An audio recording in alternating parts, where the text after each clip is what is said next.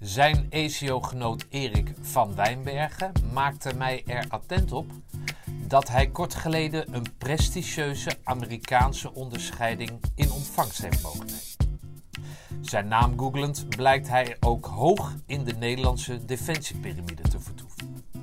Tijd voor een combitrip naar Roosendaal en Utrecht op zoek naar zijn levensverhaal. Lichting 88.4. Vandaag in de Mutstas podcast het levensverhaal van landmachtadjudant Ad Koevoets. Adjudant Ad Koevoets, landmachtadjudant. 63 05 25 096. Ad, waar kennen we jou van? Uh, ja, waar, waar kennen jullie me van? Ja, goed, ik, ik, ben ooit uh, uh, in 88 begonnen met KST. En, en sommigen kennen me nog als panzerinstructeur, als, uh, als of, of kennen me als uh, korpsadjudant. Of, of ja, en ik zit er nu nog in als landmaagadjudant. Dat is mijn huidige functie. Oké. Okay. Maar jij bent ooit als jong sergeant begonnen dan? Ja. Ja, ik ben nou ja, als, als, als, als spijkerbroekje begonnen op de Koninklijke Militaire School. Hè. Geen dienstplicht? Je hebt geen dienstplicht? Nee, ik heb helemaal geen dienstplicht oh, gedaan. want? Nee. Uh, ja, dat is wel een leuke. Ik, ik had van jongs af aan wilde militair worden. Nou, wat gebeurt er op een gegeven moment? Oké, okay, ik zat op de HAVO. Uh, maar ik maak wel eens het grapje. Uh, de HAVO was niet alleen gratis, maar die was ook voor niks voor mij. oftewel, dat was, dat was geen goede samenkomst. En ik wilde toch het leger in. En ik wilde zelfs in eerste instantie officier worden. Nou, via de MEO. En toen kwam ik erachter, ah, dat ging niet lukken. Dan zou ik zelfs de HEO moeten doen.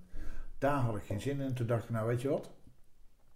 Maar Als... HAVO wel afgemaakt? Nee, nee. nee. Via HAVO en dan naar uh, ja. twee MEO of zo? Ja, precies. Okay. precies hè. Uh, en ik zat daarmee te stoeien van ja, ik wilde toch de dienst in. Maar ik wist ook, ik hoefde eigenlijk bij mijn ouders niet meer aan te komen. Uh, dus toen zei ik even heel slim, ik zei, nou weet je wat, ik roep altijd wel dat ik de dienst in wil.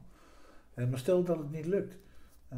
Dus ik wil me eigenlijk eens even laten keuren. Nou, en, en, zodoende ben ik dus rechtstreeks als beroepsonderofficier begonnen okay. op de Koninklijke Militaire Maar jouw ouders hadden daar niks mee, dus jij komt niet uit een militair geslacht?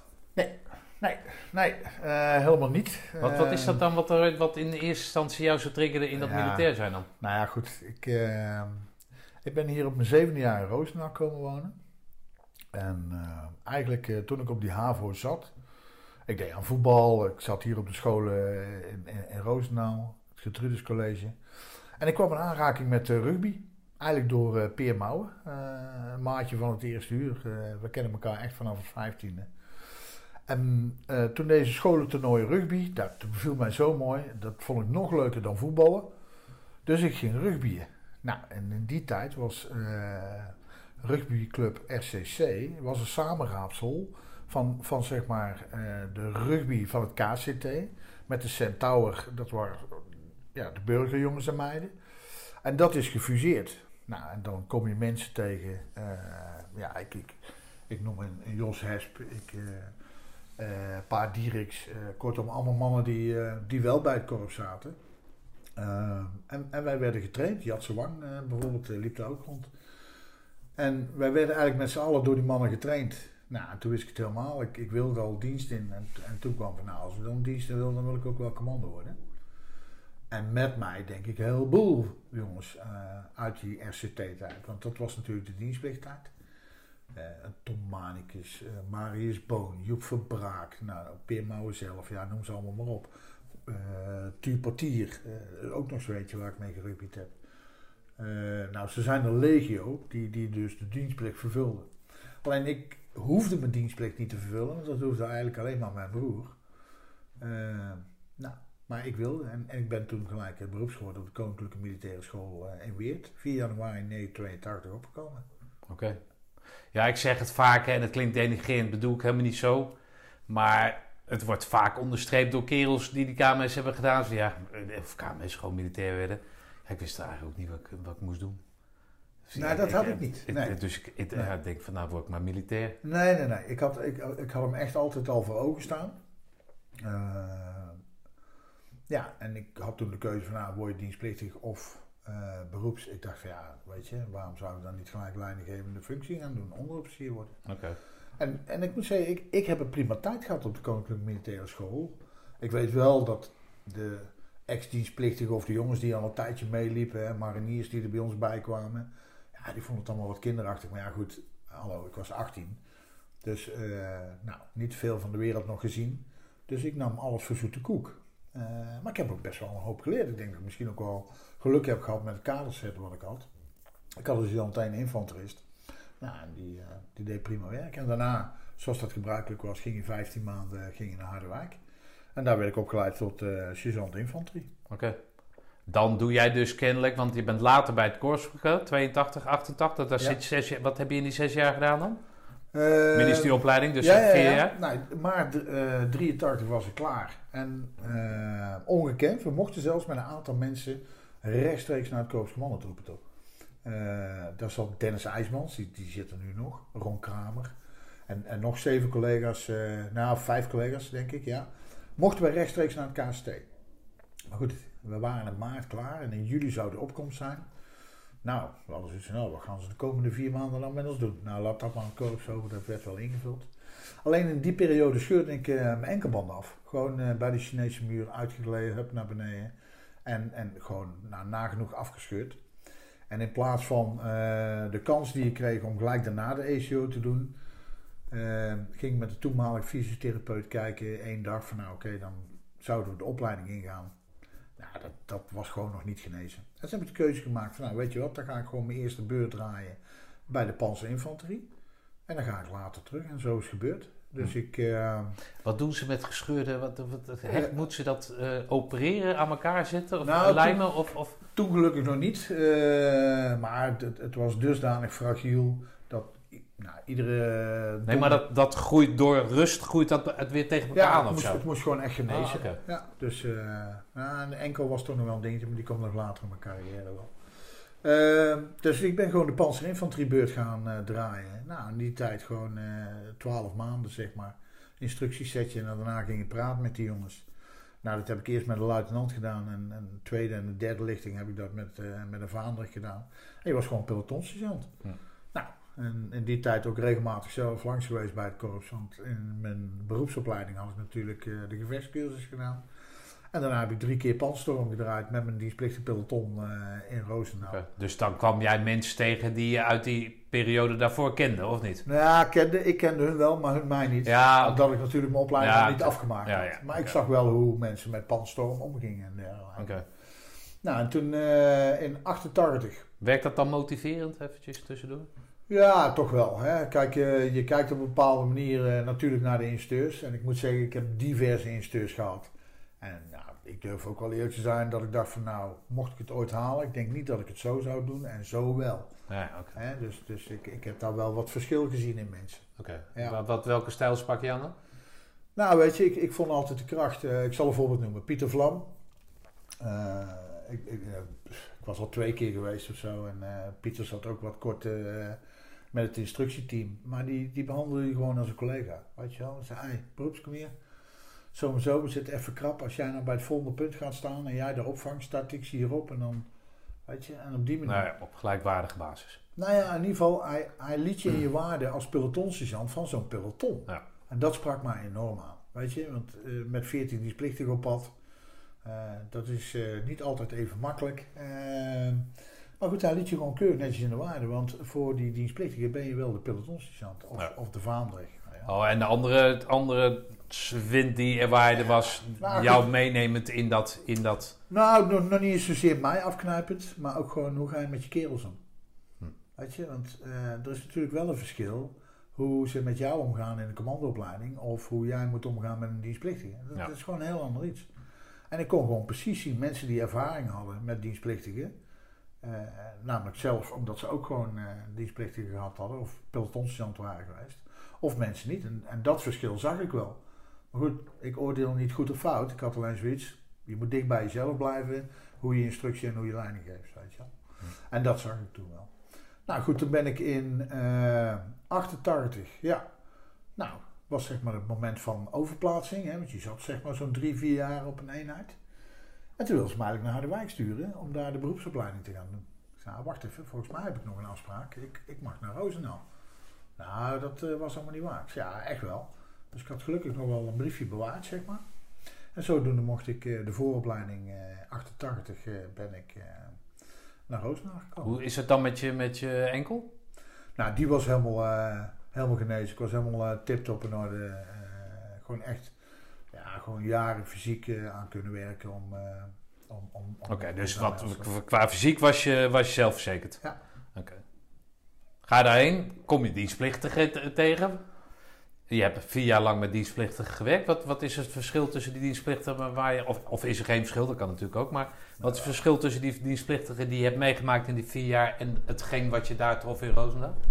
Ja, het, het, het grote verschil was natuurlijk. eh Roosendaal, ja, die kerels, dat was ook het gemene delertje. Hey, allemaal vrijwillig. Dit is wat jullie willen. Ja? En de dienstplichtige die je wel eens bij de panzerinfanterie had, nou, die wilde helemaal niks. Die wilden zelfs niet voldoen aan de dienstplicht, maar die moesten. Nou, het vergt een hele andere manier van benaderen en, en, en, en, en van motivatie. Maar dan is de, de beloning bij die ongemotiveerde, als je die dan op een bepaalde manier weet te, te kietelen, die beloning is veel groter dan, of niet? Ja, ja. ja want je moet echt wel alles uit de kast trekken Ja, eh, als ik. leidinggevende om... eh, Ja. Lukte dat? Ja, nou goed, ik, ik, ik zou je heel vertellen, de eerste lichting eh, door trial en error ben ik ook wel wijs geworden natuurlijk. Hm. Want je kunt van alles wel geleerd hebben, maar dan toepassen. En, en oh ja, je had 17-jarigen erbij en je had 28-jarigen Ja. erbij. Je had jongens die, die niet gestudeerd hadden en je had jongens die hadden universiteit gehad. Ja. Maar geen kaderopleiding. En dat alles zat in één peloton bij jou. Ja. Nou, kan je Dat verklappen, is best een eh, uitdaging. ja, dat is een serieuze uitdaging. Ja. Ja. Maar goed, daar, daar leer je wel van. Hè? Dus na zo'n eerste lichting leer je ook, en, en dat is gewoon omdat je goed begeleid bent door je eigen competitie zo mee hoor. Ja, ik kom eens hier had eh, Kees Meulenbroeks. Ik nodig hem nog steeds uit op iedere receptie en wat dan ook. Hij leeft gelukkig nog. Eh, nou, die, die, die staat je daar met raad en daad bij. Hm. En dan groei je daarin. En, en je tweede lichting wordt weer beter. En je derde lichting. Ja, je wordt per, per maand, per oefening word je beter. Ah, dan, eh, Maar ken jij voorbeelden van, nou ja, het, het, het is een beetje te vissen natuurlijk. Maar van ongemotiveerde kerels die je bij wijze van spreken aan het einde van de diensttijd eh, bedanken voor de leuke tijd? Ja, ik heb er toch wel een paar gehad. Hè. Iedereen vond me in het begin gewoon een klootzak. Maar ik hield gewoon vast aan goed is goed en fout is opnieuw. Eh, nou, dat was niet alleen een van de values in Roosendaal, maar dat had je ook in je beroepsopleiding meegekregen. Ja. Nou, daar zat die splichting niet altijd op te wachten. Maar ik kon wel, eh, hè, wat ik, nou, leuk voorbeeld. Als onderofficier mag je helemaal niet straffen. Dat mag alleen de kompiescommandant.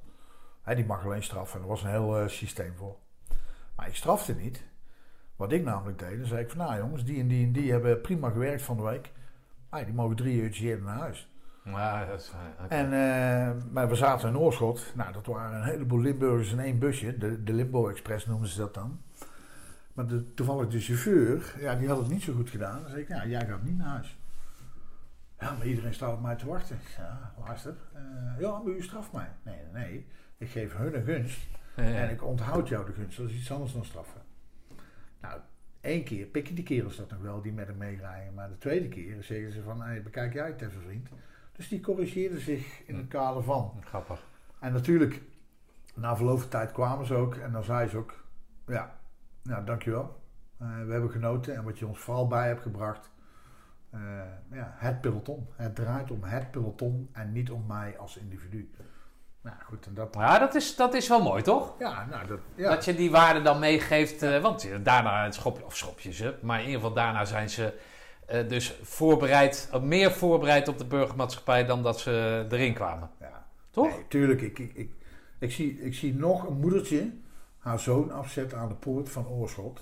Met een tasje met schone onderbroekjes en sokken. Die zei van, eh, pas goed op Jungske. En dan hè, zie ik dich vrijdag weer.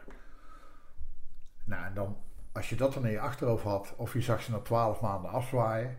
Nou, dat zat wel een leuk Ja, verschil. ja, tussen. dat kan me goed Ja, voorstellen. ja, dat zat een leuk verschil tussen. Ja, oké. Dus jij treft niet van dat soort mensen. Jij treft gemotiveerde kerels die op eigen vrijwillige basis gekozen hebben voor het korps. Al valt dat ook wel mee, want 9 van de 10 die ik spreek had Ook. geen idee wat het was. Ja.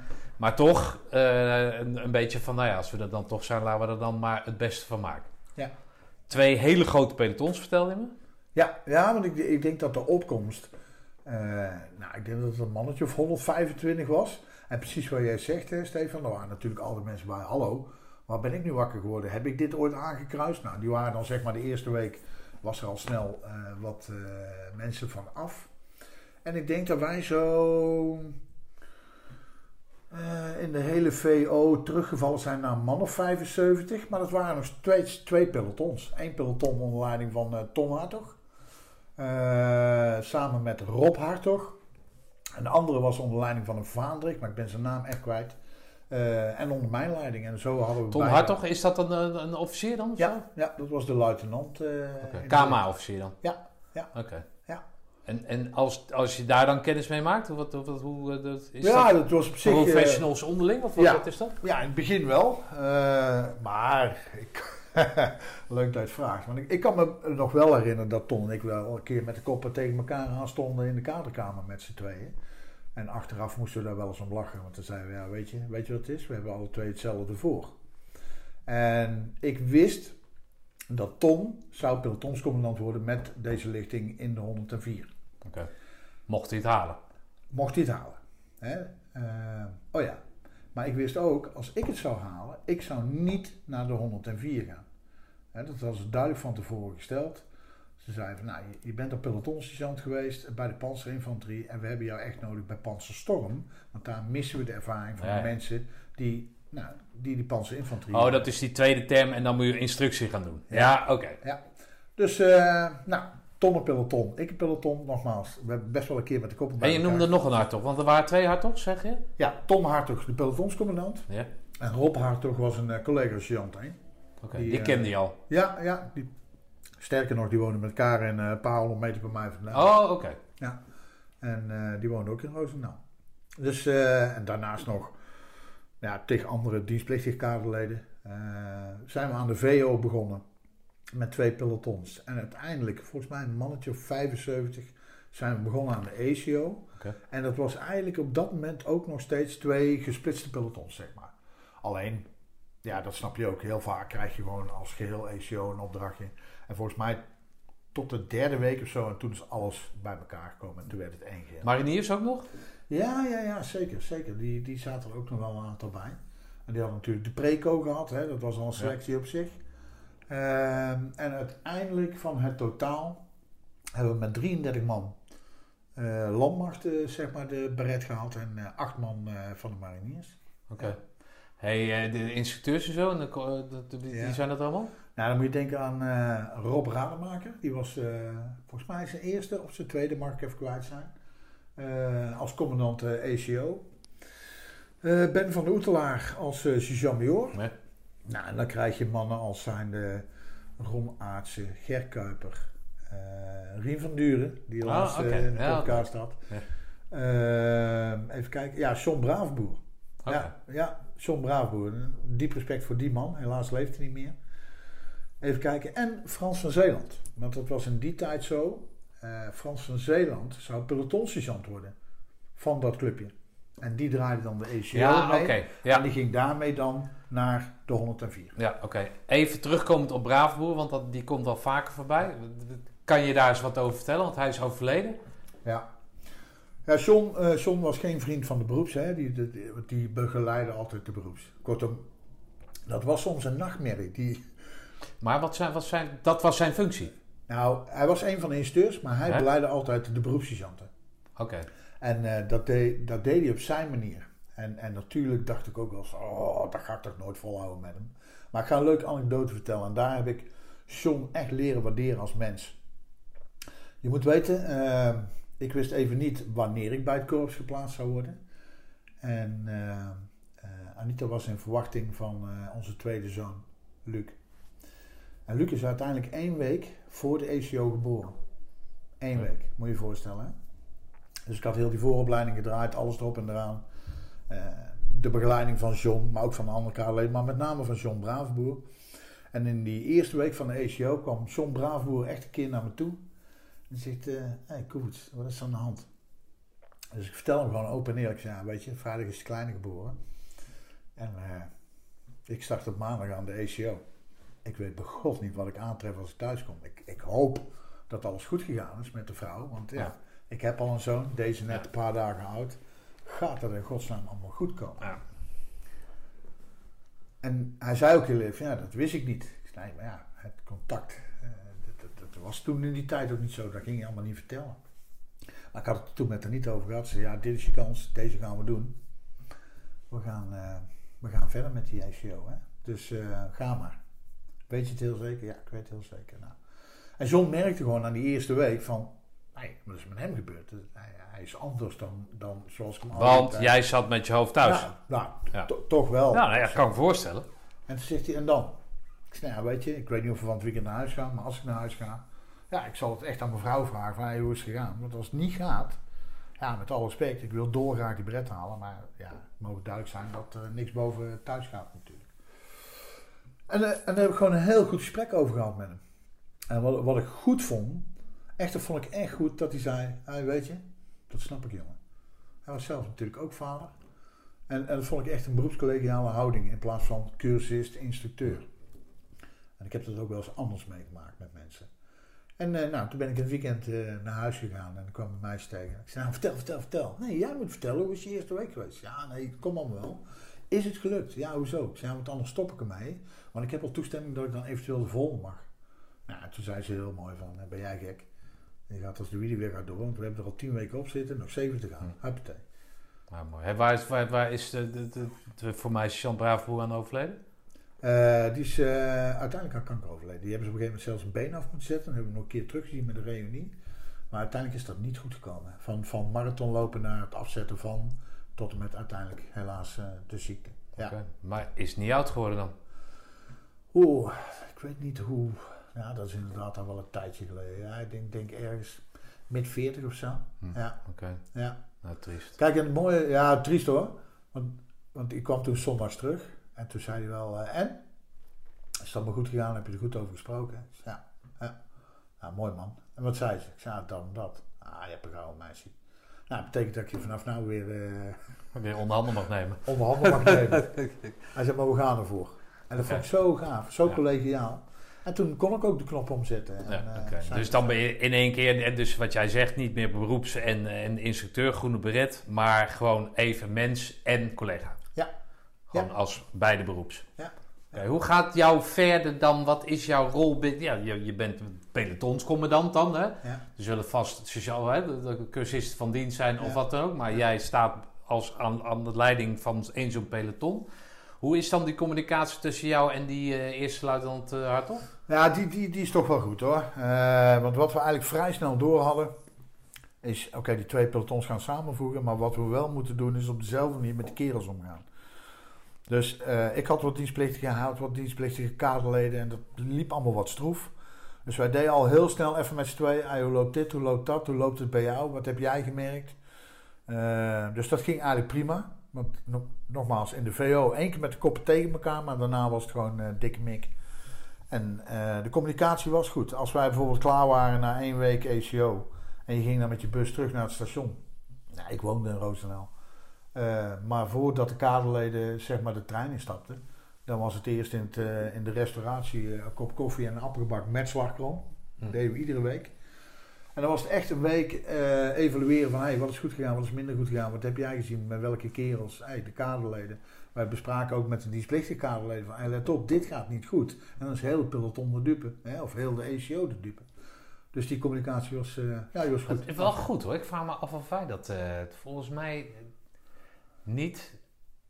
Maar ja, dat is natuurlijk de, de, de kracht van twee beroeps bij, in, aan boord te hebben. Ja, drie hè, want Rob, Ja, en Rob natuurlijk. Rob ja, was ja, ook, eh, ja, oké. En dat je, hè, je, je probeert een team te vormen tegen, tegen tussen haakjes dan tegen die instructeurs. ja, tuurlijk. Je probeert je een beetje te wapenen met z'n allen. Als we nou met z'n allen zijn, een beetje dat, toch?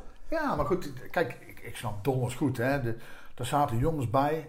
Nou, Wilfred Vogelpoel was de jongste. Hè. Nu, al, eh, uitloopofficier hier op het KST. Maar hij was toen de jongste en volgens mij moest hij nu 18 worden. Dus ik snap voor die dienstplichtigen van wow, wat gebeurt hier allemaal? Ja. Nee, maar let op, ik was die zand heen. Dat was Ja. mijn voordeel. Ja, ik ik was niet zo snel meer onder de indruk. Ik had al drie of vier van die pandstormen meegemaakt. Ik had mijn eigen gevechtscursus meegemaakt. Dat is niet te vergelijken met de. ECO, maar, maar de behandeling en wat zij trachten te doen. Ja. Tweespalt, opdracht, eh, je opdracht halen, weet je, weet je wat belangrijk is? Ja, dat, dat, dat kon je wel eh, doorzien, zeg maar. En dat is dan het voordeel voor jou als leidinggevende ten opzichte van al die dienstplichtigen. Ja. Sterker nog, tuurlijk ben ik afgeknepen door diezelfde John Bravenboer waar ik net zo lief over sprak. Eh, heeft me ook groene sneeuw laten zien gedurende de hele ECO. En andere instructeurs ook wel. Ehm, maar doordat je als leidinggevende erin zat. Weet je, als je aan het leidinggeven bent of je bent met je club bezig, dan heb je geen tijd voor jezelf. Nee. Dan ben je gewoon bezig met leidinggeven en op de kerels te letten. Nou, en als je dat doet, ja, dan dat is wat, ze- wat ze dan ook willen zien. Ja. Als ik naar mezelf kijk, dan heb ik meer herinneringen aan mijn instructeurs, zeg maar, hè, de sergeanten, dan aan eh, Leen Vroegop. Tegenwoordig mag ik hem Leen noemen. Ehm, wat is jouw, jouw actieve herinnering aan, eh, aan de luid, luitenanten, mag ik aannemen, Ja. radenmaker? Ja, nou dat is Maar Rob, hè, want dat zijn er meerdere, hè, die, die radenmakers. Nee, hè, nee, dus- maar in dit geval eh, Rob Rademaker. Nee, commandant ECO en eh, natuurlijk, hè, die werd bijgestaan door, door een champion. En let op, het team wat er zat, hè, je hoorde me net al zeggen, Ron Aartsen, Pieter Vlam, Rien van Duren. Ja, ja, stuk voor stuk. Ja, hartstikke ervaren. Ja. Dus wat je ook zag, is nou, hij, hij, hij vaarde gewoon op, op die ervaren onderofficier. ja. Dus, eh, en het grappige is, ja, ik, heb, ik ben hem ooit begonnen als eh commandant ECO. En daarna in mijn leven nog drie keer tegengekomen. In het kader van, eh, hij was kompiescommandant van de 108 commandotroepencompie. Toen werd ik zijn CSM. En later werd hij plaatsvervangend commandant KST, terwijl ik korpsadjudant was. Ja. En ik ben hem daarna nog een keer tegengekomen bij stafklas. Dus dat is wel grappig dat je elkaar Ja, vier keer eh, tegen leven valt. En nee, die, en die communicatie, ja. eh, nou, weet je, ik, ik, ik, ik, ik vond hem altijd ook wel eh, nou, wat bedachtzamer. Hè? Dus eh, het past ook niet bij hem om eh, verschrikkelijk boos te zijn of zo, weet je wel. Hij keek dat even uit, de- uit de boom. Meer manager dan, Ja. dan Ja. maar ja, dat kan ook niet anders met dat soort, dat soort instructeurs. Die kan je natuurlijk moeilijk, Ja, sterker nog, volgens mij deed hij dat heel slim. ja, dat lijkt Met- mij ook, ja. Met zulke instructeurs moet je gewoon Ja. die man het werk laten doen. En hij, faciliteren hij, eh, en, eh, en voor de rest een beetje sturen. En, eh, en ja, ja, jij geeft uiteindelijk het, het eindschot. 33 man, die mariniers. Hebben jullie nog contact met de mariniers? Ja, mariniers wat minder. Dat, dat zie je dan wel bijvoorbeeld met de, de vijfjaarlijkse reunie. Daar zie ik dan nog wel eens een enkele.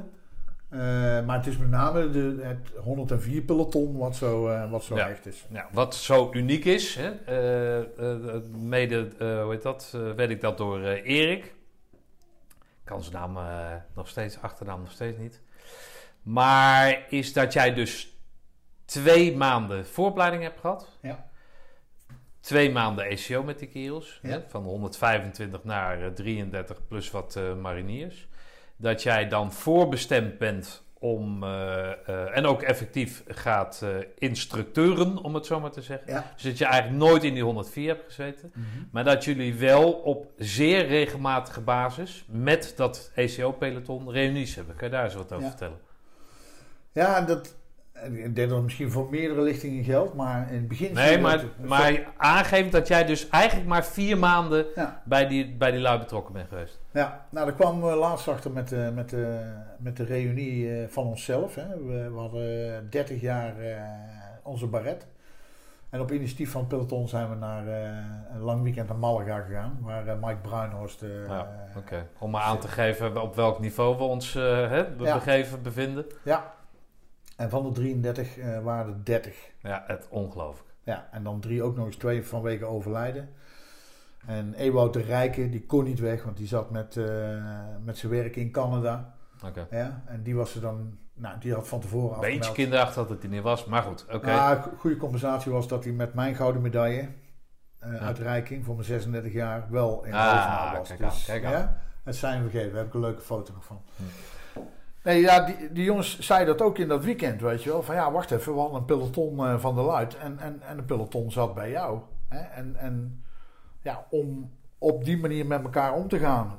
Streng en rechtvaardig, maar ook die kerels te helpen en, en, en, en, en, ja, bij te staan om naar die eindstreep te komen.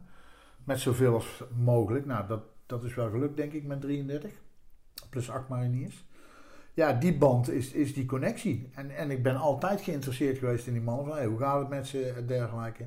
We, we zijn elkaar ook wel eens tegengekomen met de rugby in die tijd. Uh, maar ook, uh, nou ja, goed, als er dan eens een keer een happening was.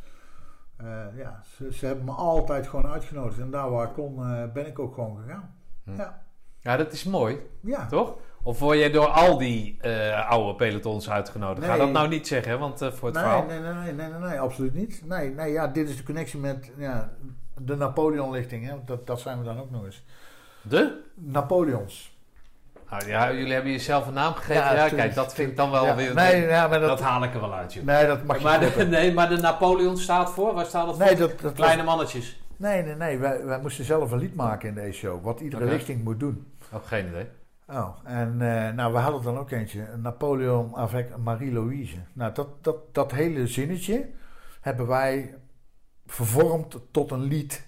Okay. Wat natuurlijk nergens op slaat. Uh, maar met drie bieren word je zo melig als de neten en, en lachen we weer uh, okay. uh, met z'n allen. Nee, dus, dus dit is echt iets unieks in deze lichting. en, en ja, ik probeerde daar waar mogelijk.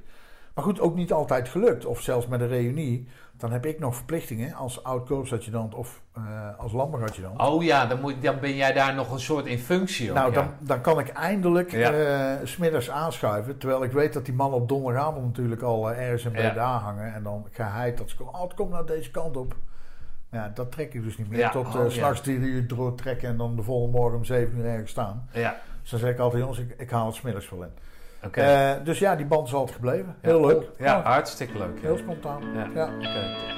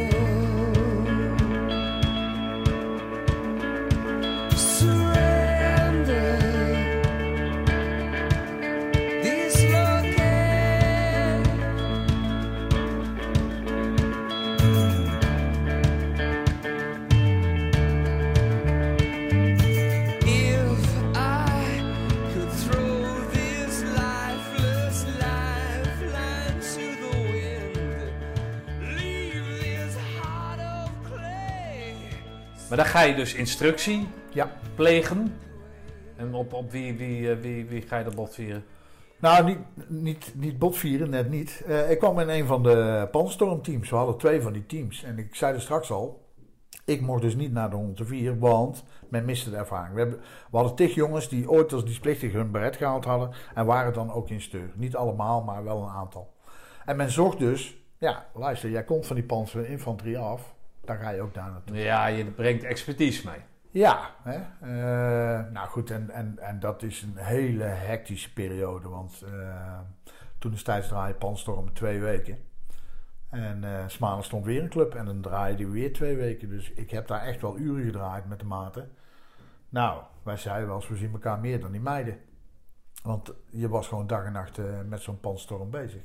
Wel heel leuk altijd, want in het begin was het allemaal los zand. De mannen die kwamen. Ja. Ja. Eh, en let op, hè, kompiescommandanten werden toen destijds beoordeeld op de resultaten van een panzerstorm. Oh, is het zo? Ja? Ja, ja, Oké. ja. Dat hing dus voor hun carrière eh, hing dat af. zeg Is het maar. zo, ja? Oh, dat wist ik niet. Ja. Nou goed, en, en, en wat ik altijd trachtte te doen is gewoon een club smeden. Een team maken, weet je. Hm. En dan mag het best wel zijn, zij tegen ons insteurs. Want dat zorgt dat ze hechter bij elkaar komen. Oké.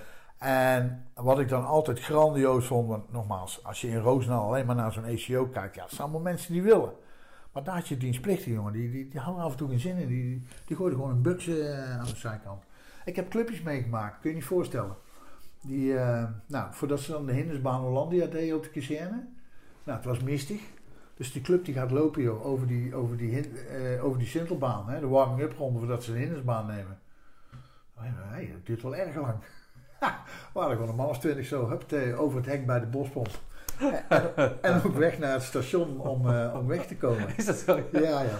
Eh, maar, dat, maar dat zijn dienstplichtigen, Ja. weet je. Ja. Eh, kijk, en wat zij niet wisten, voor ons was het één telefoontje naar de Marische Zee. Dus ze kwamen geen meter ver. Werden weer opgepikt en werden weer opgevoerd natuurlijk. maar dat, dat zijn dienstplichtigen, weet je. Die doen het niet omdat jij het zegt. Nee. En dat vergt dan wel iets anders eh, qua instructie en leiding geven. Maar ik heb daar ook eh fouriers, hè, die waren dan ook sergeant. En die kregen een samengestelde groep. Maar sommigen die begonnen te groeien en te bloeien, jongen. Die zag je gewoon leiding geven, dat was schitterend. Dus ja, ook wel een hele leuke, leuke periode. hoor. Hoe lang doe je dat? Nou, ik heb dat denk ik zo'n eh 3,5 jaar gedaan. Oh, dat is best lang. Ja. En ik zou eerder, eh, toen vroeg ik, nou mag ik dan nu pelotonsergeant worden? Dat was dan een optie. Dus ik moest bij Jelle Schepers komen. Hè? En Jelle, Jelle had altijd zo'n schriftje hè, met een potloodje. En Ja, dat heb ik wel eh, meer gehoord, ja. Ja. maar het werkte als tierlier.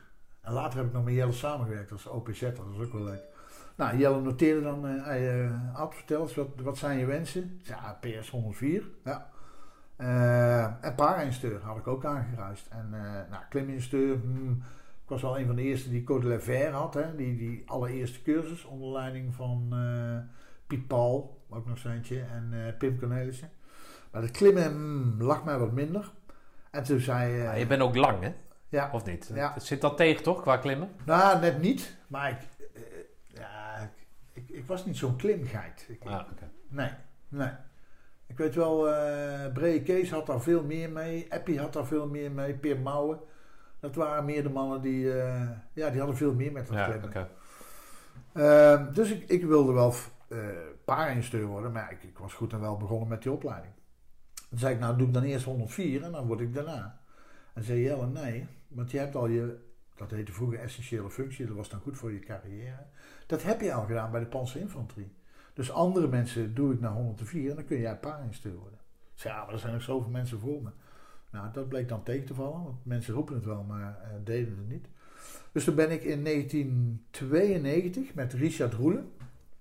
ben ik naar de paaropleiding in eh Schaffen gegaan voor eh, zeven Wat? maanden. Ja, ik heb Jel- Jelle ook horen vertellen. Nee, iemand, nee, eh, hoe heet die? Piet Oosterbaan. Ja, Die wilde ook PS worden. En die zei dus tegen Jelle van, ja, maar hoe luister, er zijn al drie kerels voor me. En toen zei Jelle van, nou, dat valt reuze mee. In de bar zeggen ze het. Maar het is gewoon een kutbaan, dus niemand wil PS worden Ja. als het erop aankomt. Maar dat is met para-instructeur toch niet? nou dat zei hij toen weer van wel. Ja? Dus ik denk dat het een beetje de dagkoers is. Hè? Want Piet, weet ik dan wel, Piet Oosterbaan, die zat bij 17 Charlie. Toen ik bij eh 17 eh panzerinfanterie eh, in Oorschot. Ja. En zat Piet bij de Charlie Compie en ik zat bij de Bravo Compie. Ah, oké. En het kan net zijn dat dan, weet je, Piet zei van nou, ik wil dan PS worden. Om vervolgens, weet je, degene wie die erna komt, dat zegt van nou, nee, die is weer nu gevuld. En dan moet die Ja, nou, het zal, maar het, dat vond ik dan wel grappig dat Jelle dan zegt van ja, dat zijn stoere praatjes. Nou, maar het ik- gaat ten koste van je lichaam, dus eigenlijk eh, Ja. zonder dat kan bier op is het anders. Ik kan me wel indenken, want ik heb daarna ook wel zelf eh, P-functies mogen vervullen.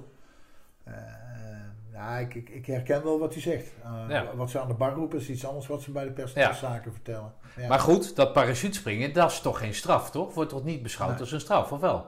Nee, nee, nee, absoluut niet. Eh, Oh ja, ik heb jou natuurlijk op de foto's die- zien staan met Lange Kees. Ja. Met die bondkragen. Ja, ja, precies. de zonen van God en zo. Die- Nou, dat, dat- eh, Ja, dat was.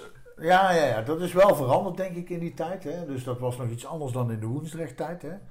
Eh, want daar maakte ik zelfs mee in Woensdrecht. Toen ik dus zelf mijn beret gehaald had, kreeg ik ook de parenopleiding.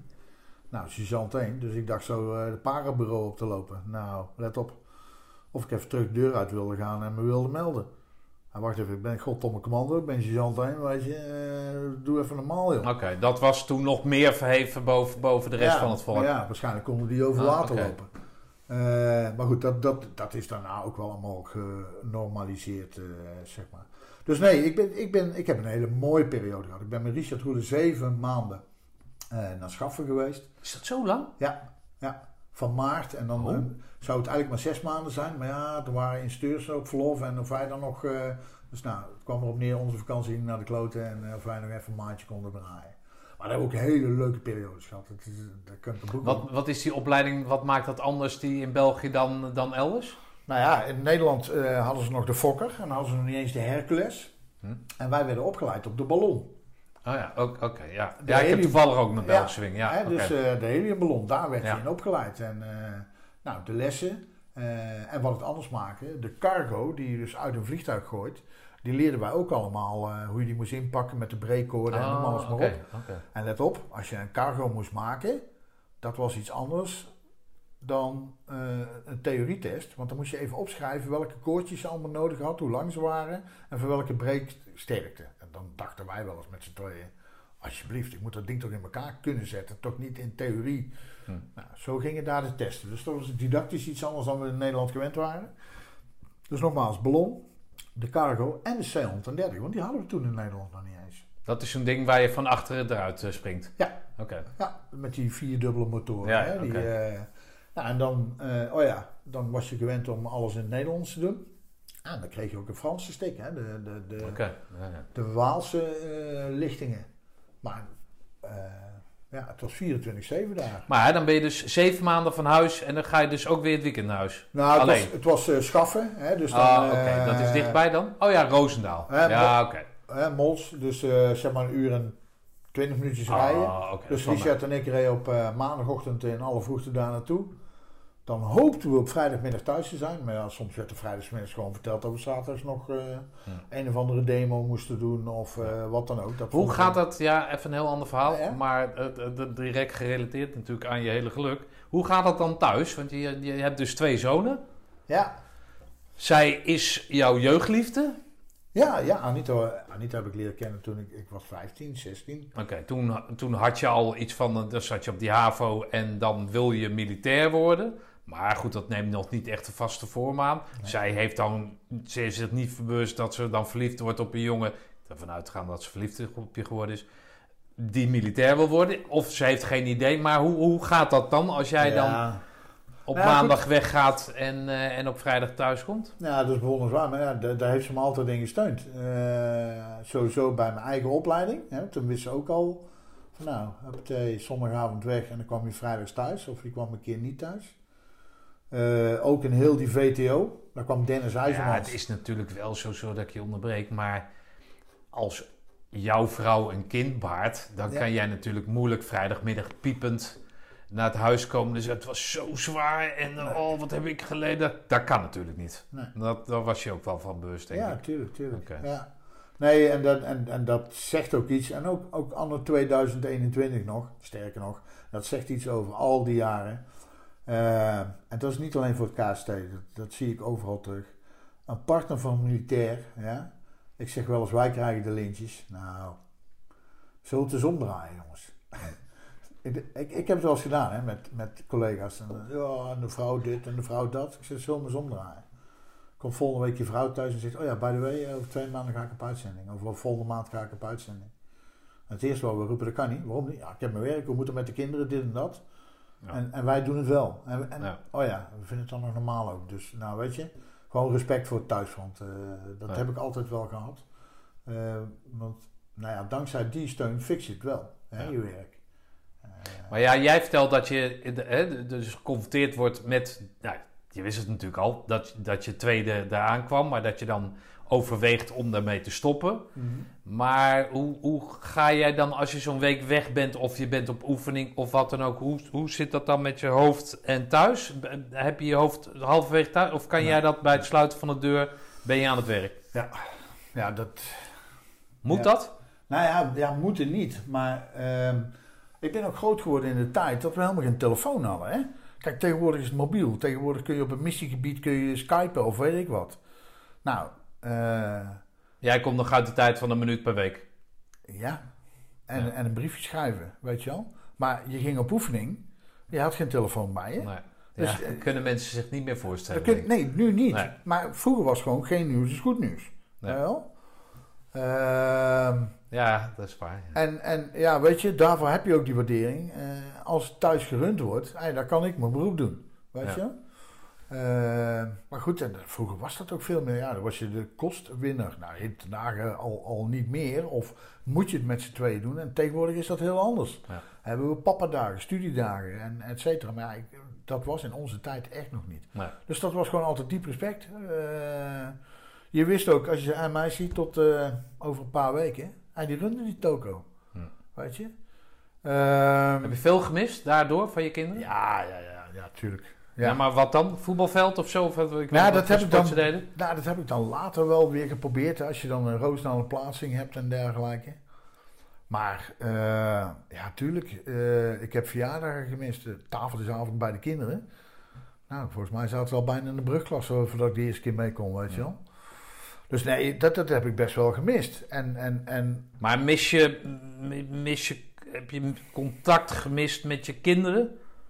Voelde je dat ze, dat ze, dat, dat Nou, je meer, nou, ja, Nou ja, laat, laat ik zo zeggen. Ik, ik was niet eh, de gemiddelde onderwijzer, zeg maar. Of eh, de postbode.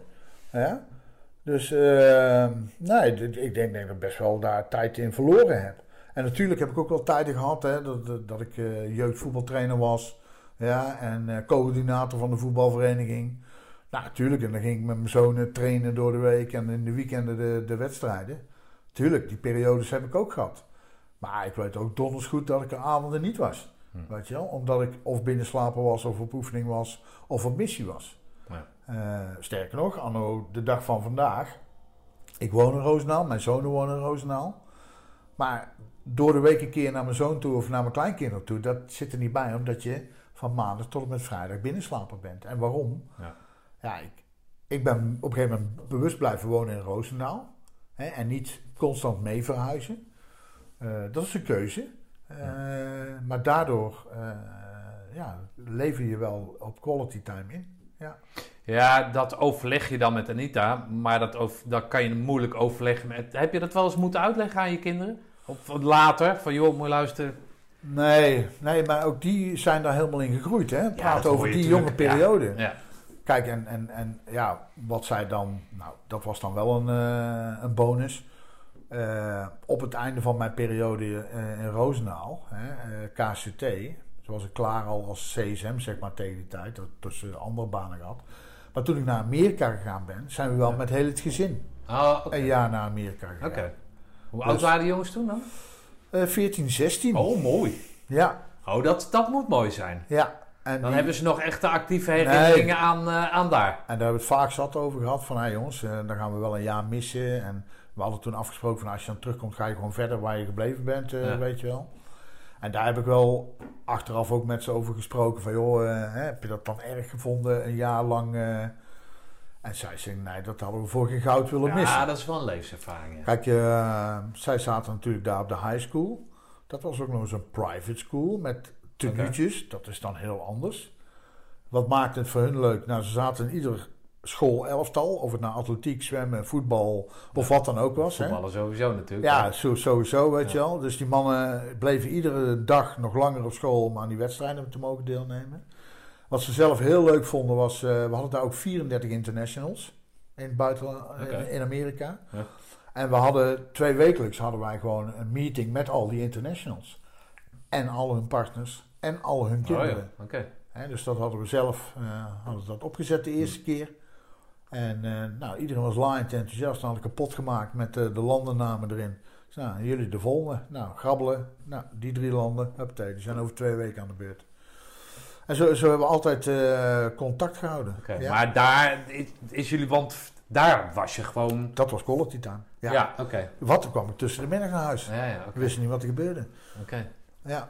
Dus, Oh, eh, dat moet heerlijk geweest zijn. nee, Voor dat- jou dan vooral. Ja. Misschien dat zij de middel... Dan heb je hem weer. Nee, nee, nee. maar Dat, A, dat was heerlijk, want eh, goh, eh, ik mocht studeren. Hè, dat was hartstikke leuk. En eh, nee, de, met name de, de quality time. Natuurlijk moest ik s'avonds ook studeren. Maar alleen al het feit dat je gewoon smiddags thuis lunchte, dat je s'avonds met het eten er was, dat je er was om de kinderen het verhaal van school aan te horen. Weet je, even nog samen tv kijken. Nou, hun gingen naar bed en dan ging ik nog wat studeren. Hebben zij nog eh, goed eh, Amerikaans of Engels eh, daaraan overgehouden? of Ja, ja, ja, beide. Want dat was wel grappig. Ja, dat, niet alleen goed Engels, maar ook een beetje de flair. Hè? Dat kreeg ze op die private school ook wel mee. Ik vergeet nooit van zijn leven dat Michael daar een spirit hield. Dat ik dacht van, wat? Maar ja, weet je, zij zaten op die private school, waren hoofd van de tafel met zoveel leerlingen. En, en zij kregen daar de leiding over. Oh ja, oké. Ja, en, en ik weet nog, nou, Luc die ging niet zo goed op de haven toen hij wegging. Maar toen hij terugkwam, joh, die lachte zich eh, kapot. Twee vingers in de neus. Nou, Die, mooi man. eh, ja, die had zeg maar een jaar lang extra Engels, eh, maar ook natuurwiskunde en scheikunde gehad en biologie. Nou, dat waren ook zijn vakken in Nederland.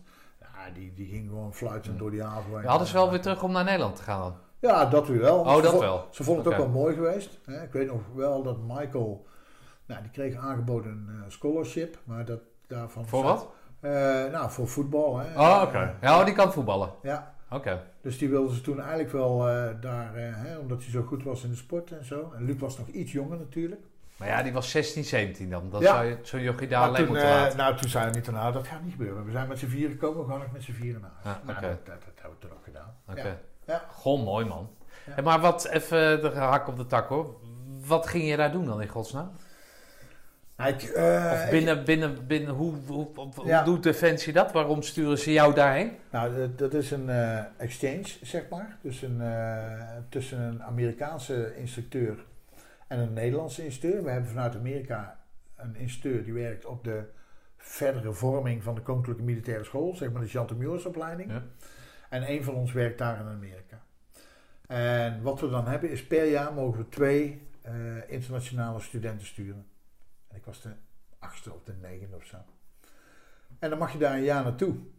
En dan zit je met 712 Amerikanen en 33 internationals. Zit je een heel jaar eh, nou, in de studiebanken. En wat je daar leert is van nou, hoe bouw je een, eh, een divisie. Die hadden we in Nederland nog niet eens, maar goed. Hoe, hoe, hoe bouw je zo'n divisie? Hoe train je ze? Hoe ga je ermee op missie? En hoe doe je de redeployment van zo'n missie? Dat waren toen de vier grote hoofdstukken. En wat is jouw rol daarin als command sergeant major? En dat, en dat is wat je doet. Eh, dus je zit helemaal in de, de, de politieke situatie. Je zit helemaal in het eh, departementale, hoe dat allemaal geregeld is in Amerika. Eh, En Nederland maakt onderdeel uit van het Amerikaanse gebeuren, om het zo maar te zeggen, op, op oorlogsgebied. ja. En dan proberen ze zeg maar hun visie op dat se- Sergeant Major ding op een buitenlander uit te leggen, zodat dat wat makkelijker implanteert Ja. als, er, als de nood aan de man Nou, is de of zo. noodzaak van de exchange is gekomen dat Amerika deed altijd alles zelf. Maar zij zagen natuurlijk ook wel met al die missies die we aan het draaien waren met al die landen, dat er wederzijds begrip moest gaan komen. Hm. En dat hebben zij gedaan door te zeggen hun scholen open te stellen, ook voor de onderofficieren. Dus, dus ook de onderofficieren van die 33 verschillende landen, die nemen daar iets van mee en gaan dus zelf hun onderofficierskorps bouwen. Ja, dat hebben wij natuurlijk ook gedaan. in Nederland. Oké. Maar waarom kiezen ze jou dan? Nou, dat is een selectieproces. Hè, dus, eh, dan, Maar wat, nou, waar moet je dan aan voldoen? Eh, nou, Je solliciteert daarop. ja. Dus dat is echt van, we zoeken iemand die naar Amerika wil. Ja, en die selectie gebeurt hier in Nederland. Ja? Sterker nog, die doe ik nu. Dat is cirkel ja, rond. gelukkig.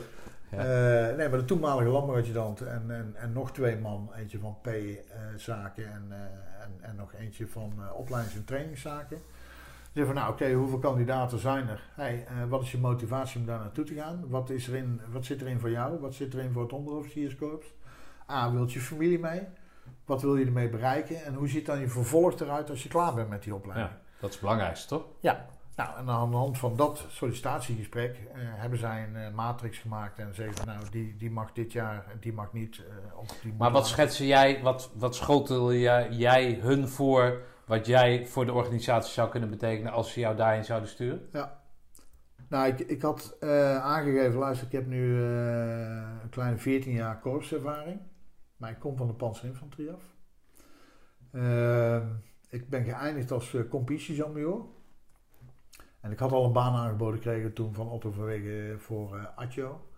Maar ik had zoiets van, jeetje, dan ben ik 40 jaar. En dan ben ik al adjudant bij het korps. En dan moet ik nog 15 jaar functies als adjudant bij het korps. En dat ook voor mij de uitdaging niet. Dus toen dacht ik van, nou, misschien moet ik wel eens iets gaan verbreden. Eh, ik wilde wel ook korpsadjudant worden en dat zat al in het stafadjudantenniveau.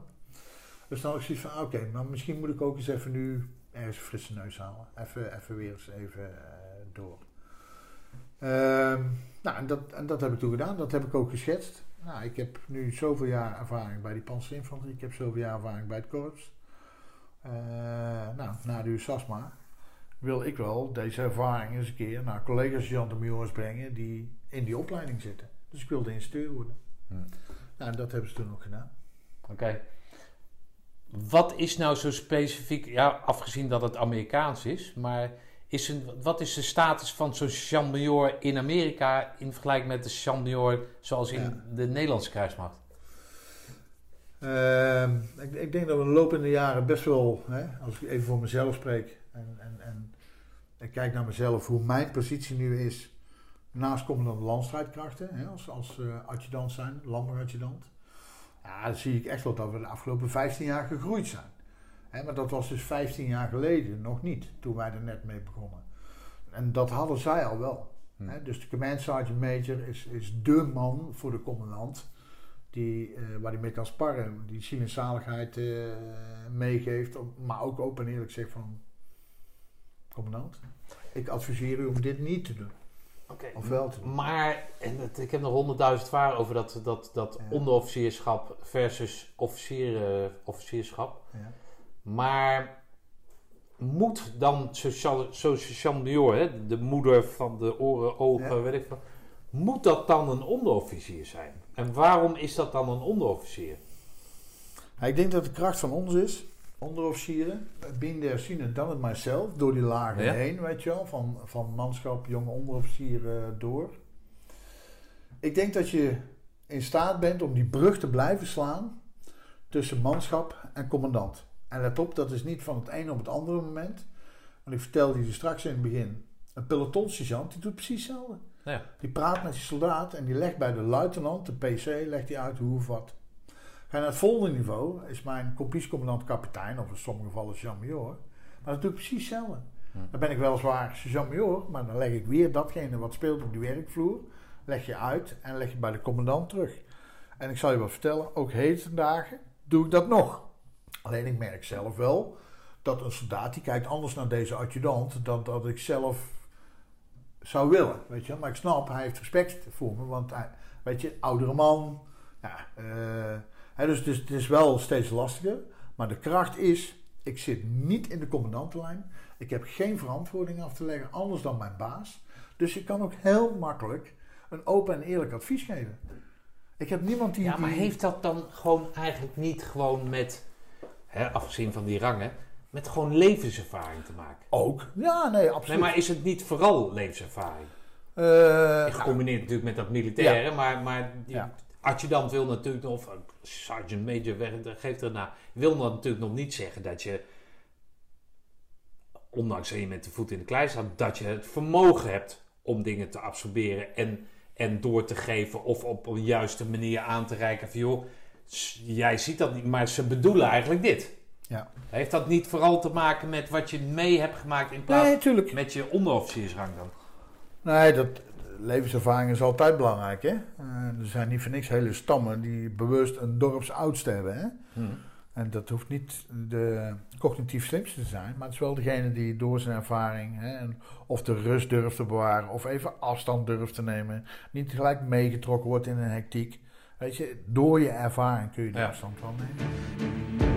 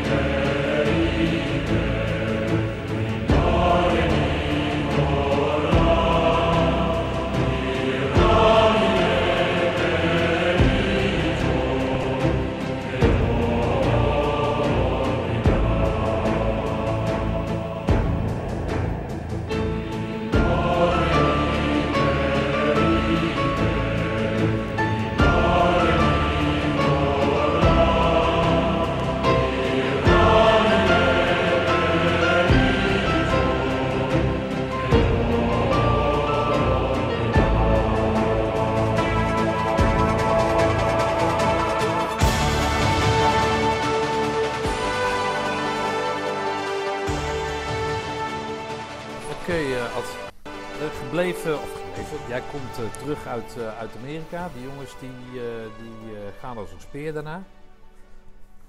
En dan?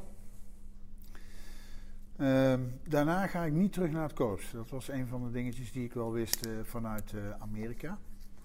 En toen ben ik eigenlijk naar de Koninklijke Militaire School gegaan, waarbij ik zelf instructeur werd ehm, bij de verdere vorming, noemen ze dat. Zeg maar de sergeant-majorsopleiding zelf. Oké.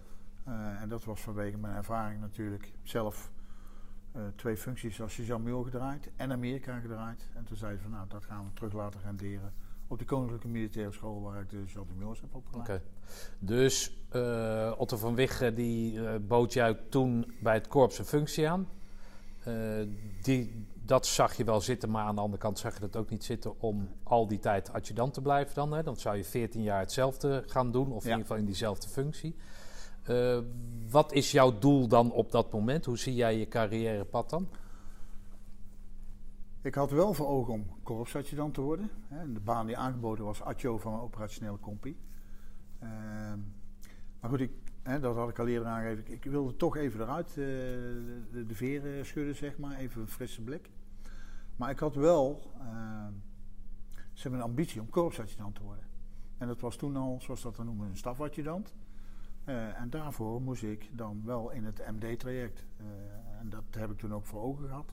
MD is? Eh, management development. Ah, oké. Hè, dus dus om vanuit adjudant stafadjudant te kunnen worden. Nou goed, dus ik ben instructeur geworden in eerste instantie. Wat is daar dan zo mooi aan, als ik je even onderbreek, aan dat, aan dat korps adjudant? Behalve die stok dan? Nou ja, volgens mij is dat het hoogst haalbare voor een onderofficier binnen het KST. Oh, is dat zo, ja? Oké. Eh, want je bent de onderofficier naast de commandant. Dus naast commandant ko- korpscommandotroepen en zijn plaatsvervanger. Samen bij het commandteam. Ehm, nou, wat je als CSM doet bij een compie, doe je ook als korps. Ja, wat jij vertelde over die eh Ja. naast de vaandrig of En- naast de luitenant, inderdaad. En je zit dan in het commandteam. Eh, nou, je, hebt, je hebt natuurlijk een geweldige groep met onderofficieren. Ehm, en wat maakt het dan mooi? Ja, dat is eigenlijk iedere functie als onderofficier naast commandant. Maar ja, Ja. je roots eh, naar die vier jaar panzerinfanterie lagen natuurlijk wel bij het korps. Eh, waar, je, waar je op dat moment 14 jaar gediend hebt. Ja, dat is in eerste instantie je ultieme droom van nou, als het dat mag worden en dan kijk ik daarna weer wel. Ja. In welke periode was dat dan, dat hij dat vroeg? Ehm, nou, Was dat met die heisa die hij, of heisa, dat, het, het aanprijzen van het korps Nou, dat was wel het momentum net voordat ik naar Amerika ging. eh, toen zeg maar de hele ontwikkelingen kwam van eh 104, 105, 108. Hè. Ehm, en hij, vroeg toen echt mij of vanuit je ervaring als CSM wil je dan geen adjo worden, adjudant operatie. Nou, daarvoor zei ik nee, want dan ga ik richting 17, 18 jaar. En wat ga ik daarna doen? En Amerika zag ik echt als een kans. Maar daar was de consequentie van, dan ga je ook een functie ergens anders dienen ja, en niet rechtstreeks terug naar het korps. Nou goed, en dan heb je voor ogen, nou, als ik dan terugkom naar het korps, eh, dan is dat als stafadjudant. Nou, Oké. dan moet je dus het MD-traject in. En, en zo ben ik in eerste instantie begonnen. En daarna ontwikkelt zich van alles. Ja. Oké. Maar als jij dan op een gegeven moment korpsadjudant wordt, misschien slaan we even wat over, maar dat is eh, aan jou. Dan eh, adviseer jij dus de, de, de, de baas Mhm. over, over zaken waarin jij in principe nog niet bent geweest op missie. Jawel, ik had eh, als CSM, eh, ben ik op missie geweest. Oké, waar ben je geweest dan? Eh, dat was nog in Bosnië, Oké, Bosnië-Herzegovina. Eh, waarom was ze nog niet eerder geweest? In de tijd dat ik bij die para-instructiegroep zat, heb ik een zwaar ongeluk gehad. En daar heb ik twee Oh jaar ja, je bent ook nog para-instructeur. Ja, godman. Eh, maar eh, ik kreeg een heel zwaar ongeluk. Hè. Ik heb mijn hielbot verbrijzeld.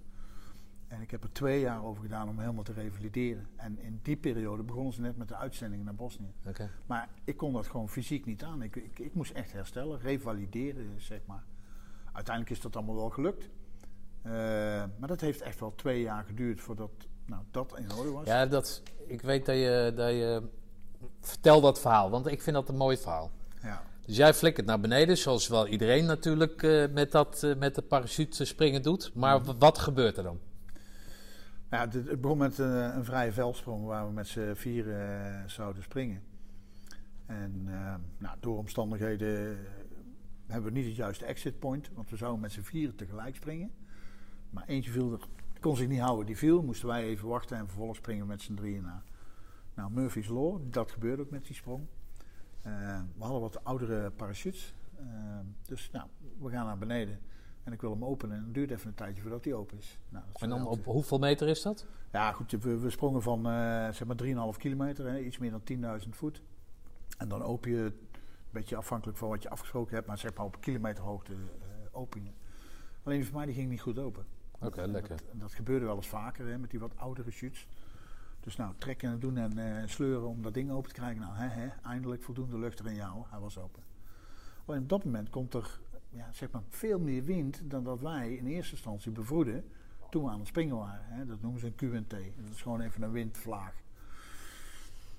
Nou, lang verhaal kort. Ik kon niet meer bij de, bij de DZ komen om daar fatsoenlijk te landen. Dus ik zocht een alternatief eh, terreintje op. Eh, maar ja, dat, dat haalde ik al niet. En uiteindelijk moest ik hem bij de voorpoort van Gilze rijden. Eh, moest ik hem wegzetten. Want ja, landen op een kruising is ook geen optie. En eh, nou goed, dat hebben we wel vaker gedaan met demonstraties op een heel klein pleintje landen. Dat, dat kun je als paardenstuur, want je kunt precisie springen. Alleen ik had de pech bij de voorpoort dat door de turbulentie van de bomen eh, mijn parachute voor de helft dichtklapt. Nou, toen En binnen hoeveel tijdsbestek is dat dan? Want ik ben niet zo springen, dus eh, ik heb geen idee. Nou, vanaf het moment van openen tot, eh, tot met daadwerkelijk de landing, ja, dan praat je over drie, drie vier minuten. Oké, dus dat, dat is gewoon, er flitsen allerlei dingen door je hoofd. Nou ja, goed, je bent eerst bezig van, hey, oké, hè, ja, oké, hij is open, ga je oriënteren, ga je kijken waar kan ik landen. Oké, ik kan de DZ niet meer halen, wat zijn alternatieven? Nou, dan maak je een keuze, dan ga je naar die alternatieve DZ. Eh, maar dat ging ook niet meer, hè, die QNT, die winden, Ja. die bleven komen. Toen dacht ik van, ja, oké, dan het enige plekje wat ik heb, ik kan op de kruising landen bij, bij de stoplichten, maar ik denk niet dat de automobilisten naar boven kijken of de parachute uit de lucht komt. En toen heb ik besloten om dus voor, voor de voorpoort te landen op die parkeerplaats. Nou, mee dat ik hem helemaal weggezet had, helemaal alles onder controle. Ja, toen kwam de turbulentie ook nog eens een keer eroverheen. Toen sloeg de helft van mijn parachute dicht. En toen zat ik op 20, 25 meter.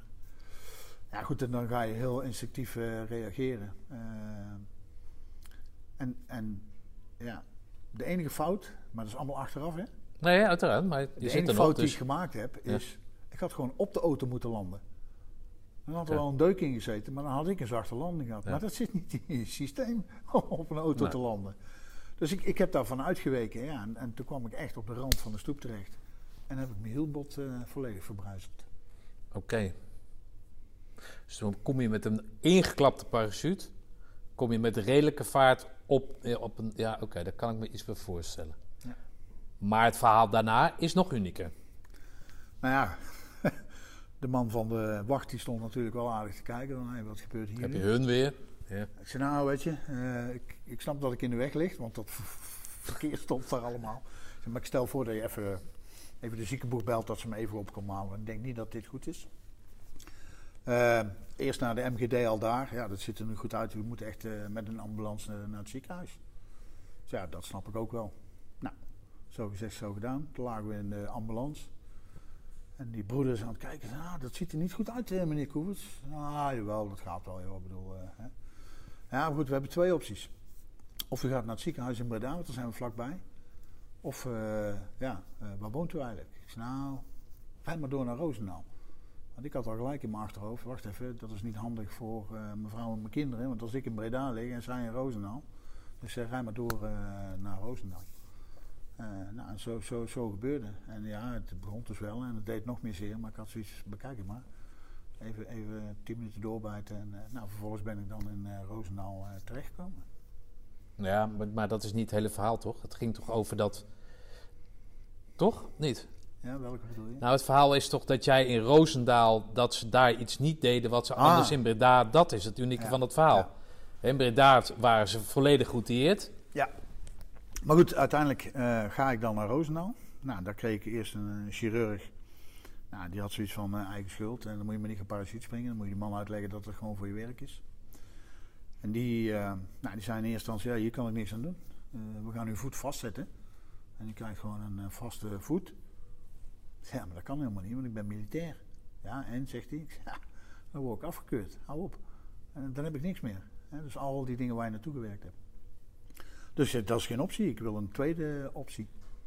Nou, en toen kwam ik inderdaad bij een arts terecht die zei: Ja, ja ik heb iets geleerd in, eh, in Amerika. Eh, maar dat is allemaal nog een beetje, een beetje uitproberen, et cetera. En die beste man zei van, nou weet je, wat we kunnen doen is, we gaan er een plaat tegenaan zetten bij, bij hielbot. En dat gaan we dan eh, met, met potschraapsel gaan we dat opmetselen. Botschaapsel uit je heup. En dat plakt hij er dan tegenaan. En door nou, eh, langdurig in het gips zou het dan hard worden en et cetera. Dus oké, en wat is in het ergste geval wat er kan gebeuren? Ja, dat, dat, dat het niet werkt, zegt hij. En dan moet ik het alsnog vastzetten. En toen heb ik gezegd, oké, maar dan hebben we in ieder geval iets geprobeerd. Dus daar gaan we voor. Oké. Nou, en dat, dat is uiteindelijk ook gebeurd. ja. Oké. Maar dat betekent dus dat jouw eh, nou, carrière, hoe je het ook wil noemen, maar dat jouw levende werk toen aan de zijde haat- eh, draad hing. Eh, ja, dat flitst ook door je hoofd. Ja. Want dan, eh, dan ben je een paar in steur, dan heb je een droom na kunnen jagen. Ja. En dan? Nou, sterker nog, wacht even. vastzetten? Nee, gelukkig niet vastzetten, revalideren. Ja, en dan moet je ook gaan kijken van, kan ik al het werk nog wel? Hè? Ja. Straks in de ploegen of, of ben je dan weer rugzakfit of houdt dan alles op? Eh, nou, da- daar heb ik gewoon aan Dick Ernest, de fysiotherapeut in Roosendaal, aan te danken dat ik eigenlijk in, in hele korte tijd dusdanige resultaten haalde dat ook de chirurg zei van hoe kan dit? Nou, en dat was te danken aan dagelijkse fysiotherapie. Ik werd thuis opgehaald, ik ging fysiotherapie doen, ik had oefeningetjes. Eh, Hoe lang heb je eruit gelegen dan? Nou, ik heb toch wel een maand of 10, 11 Zo, heb ik uitgelegen. Ja, ik, zat alleen al vanaf mei tot en met november heb ik in het gips gezeten. En, en kon ik helemaal niks. En pas toen ik in november uit het gips kwam, toen ben ik weer gaan opwerken. En ik werkte gewoon bij de PEC. Dus Kees de Waard heeft me ook gewoon geholpen met...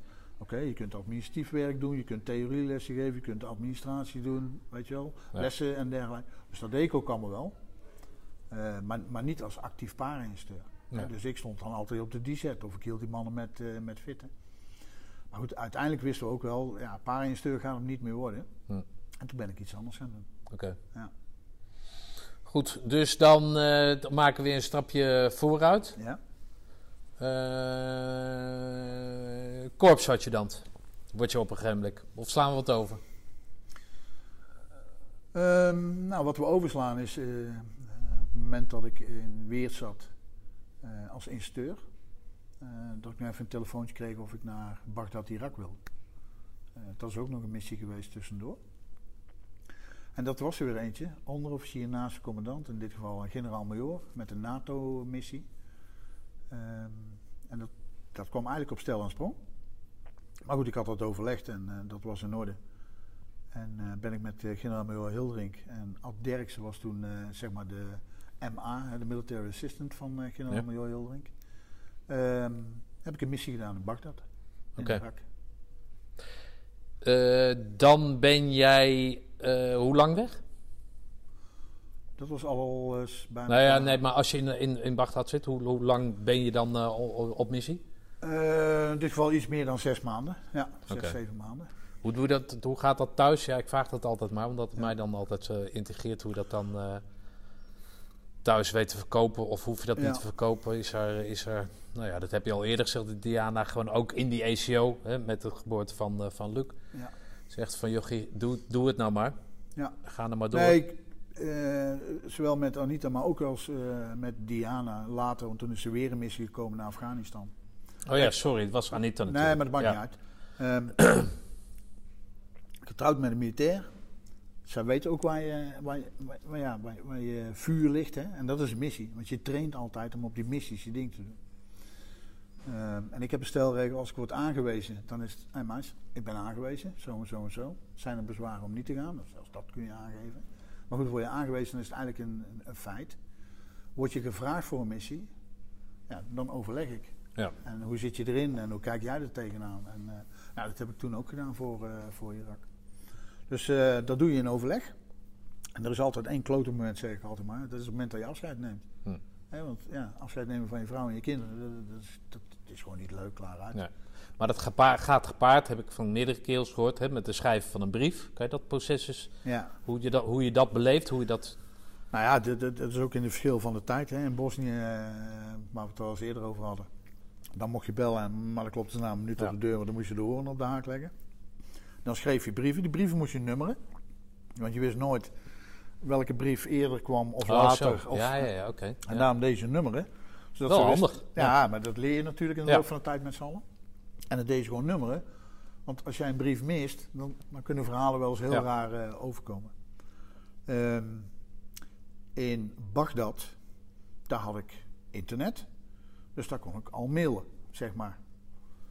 Ehm, nou, dat doe je dan ook. Hè? Dus daar waar je s'avonds klaar bent met je werk, eh, konden wij gewoon naar huis eh, mailen. Daar had ik geen telefoons. Ja, ik had een satelliettelefoon.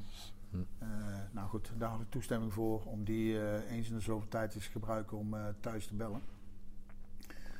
Ehm, ja, en wij hadden geen vaste tijd afgesproken. Want soms kun je bellen, soms kun je niet bellen. Soms wordt de telefoon uit de dood gelegd, soms weer niet. Hm. Dus geen, geen nieuws, goed nieuws ging je altijd maar vanuit. Eh, en als er wat was, ja, mag je er ook op vertrouwen dat er, dat er contact komt. Ja.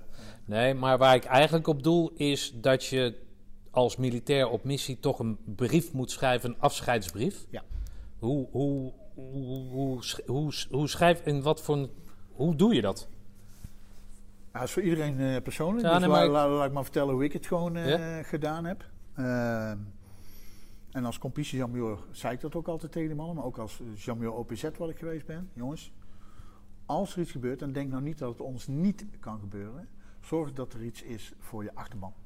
Nou, en dat is de bekende eh Dear John letter, hè, zoals ze dat dan wel Ja. zeggen met een film. En hoe je die schrijft, ja, ik denk dat het persoonlijk is. Ik zal vertellen gewoon wat, wat ik deed. Ik heb echt een brief geschreven en toen leefden mijn ouders nog. Dus in, in, in eh, Irak had ik eh, een brief van mijn ouders.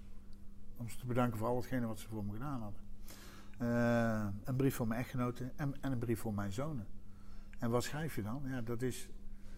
eh, nou, je ziet het nu wel eens bij de delerreclame. Waarom wacht je totdat Ja, ja. je dood bent? Waarom zeg je het niet Ja. eerder? En dat schrijf je in een brief. Hoe, trots je bent op de mensen. Dank voor de steun. eh, dat je een goed leven hebt gehad. Nou, noem, noem alles maar op. En Maar geef het dan al, ben je dan aan het nadenken, want het lijkt me zo moeilijk, aan het nadenken wat dan de boodschap aan die jongens is Ja. voor later.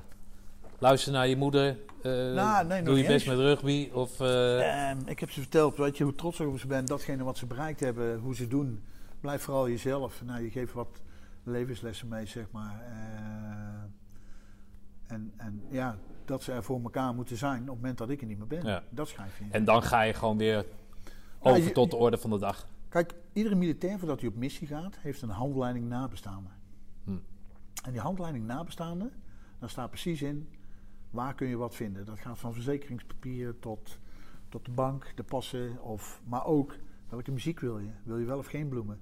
Wil je, eh, wil je een begrafenis met militaire eer? Wil je een begrafenis zonder militaire eer of beperkte eer? Nou, wat je doet is dus in dat denkproces, zet het nou op papier, want dan weten we wat jij wilt. Hm.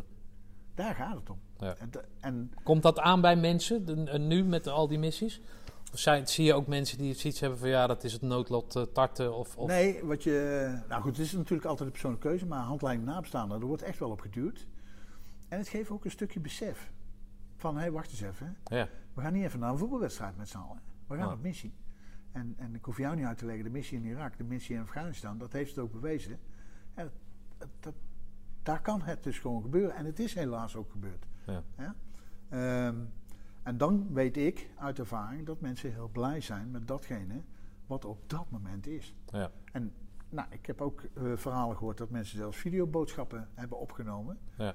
ehm, die ook bij een uitvaart daadwerkelijk afgespeeld Ja, ja, dat kan ik nog wel. Ja, ja, het lijkt me vreselijk. Maar ja. Maar ja, dat is het vak, hè? Had of niet? Ja. Is dat Ja. het vak? Kijk, en het is niet zo van oh, we gaan even daar en daar naartoe en we gaan sterven. Nee. Maar als het dan gebeurt, Ja. weet je, dat is triest. Maar laat er dan in ieder geval iets zijn eh, voor de nabestaanden. Want Ja. dat is zo'n houvast voor die mensen. En natuurlijk barst je in tranen uit als je zo'n video ziet. Maar daarna komt het besef hoe dierbaar het is. Ja. Ehm, en ja, ieder vult dat op zijn manier in.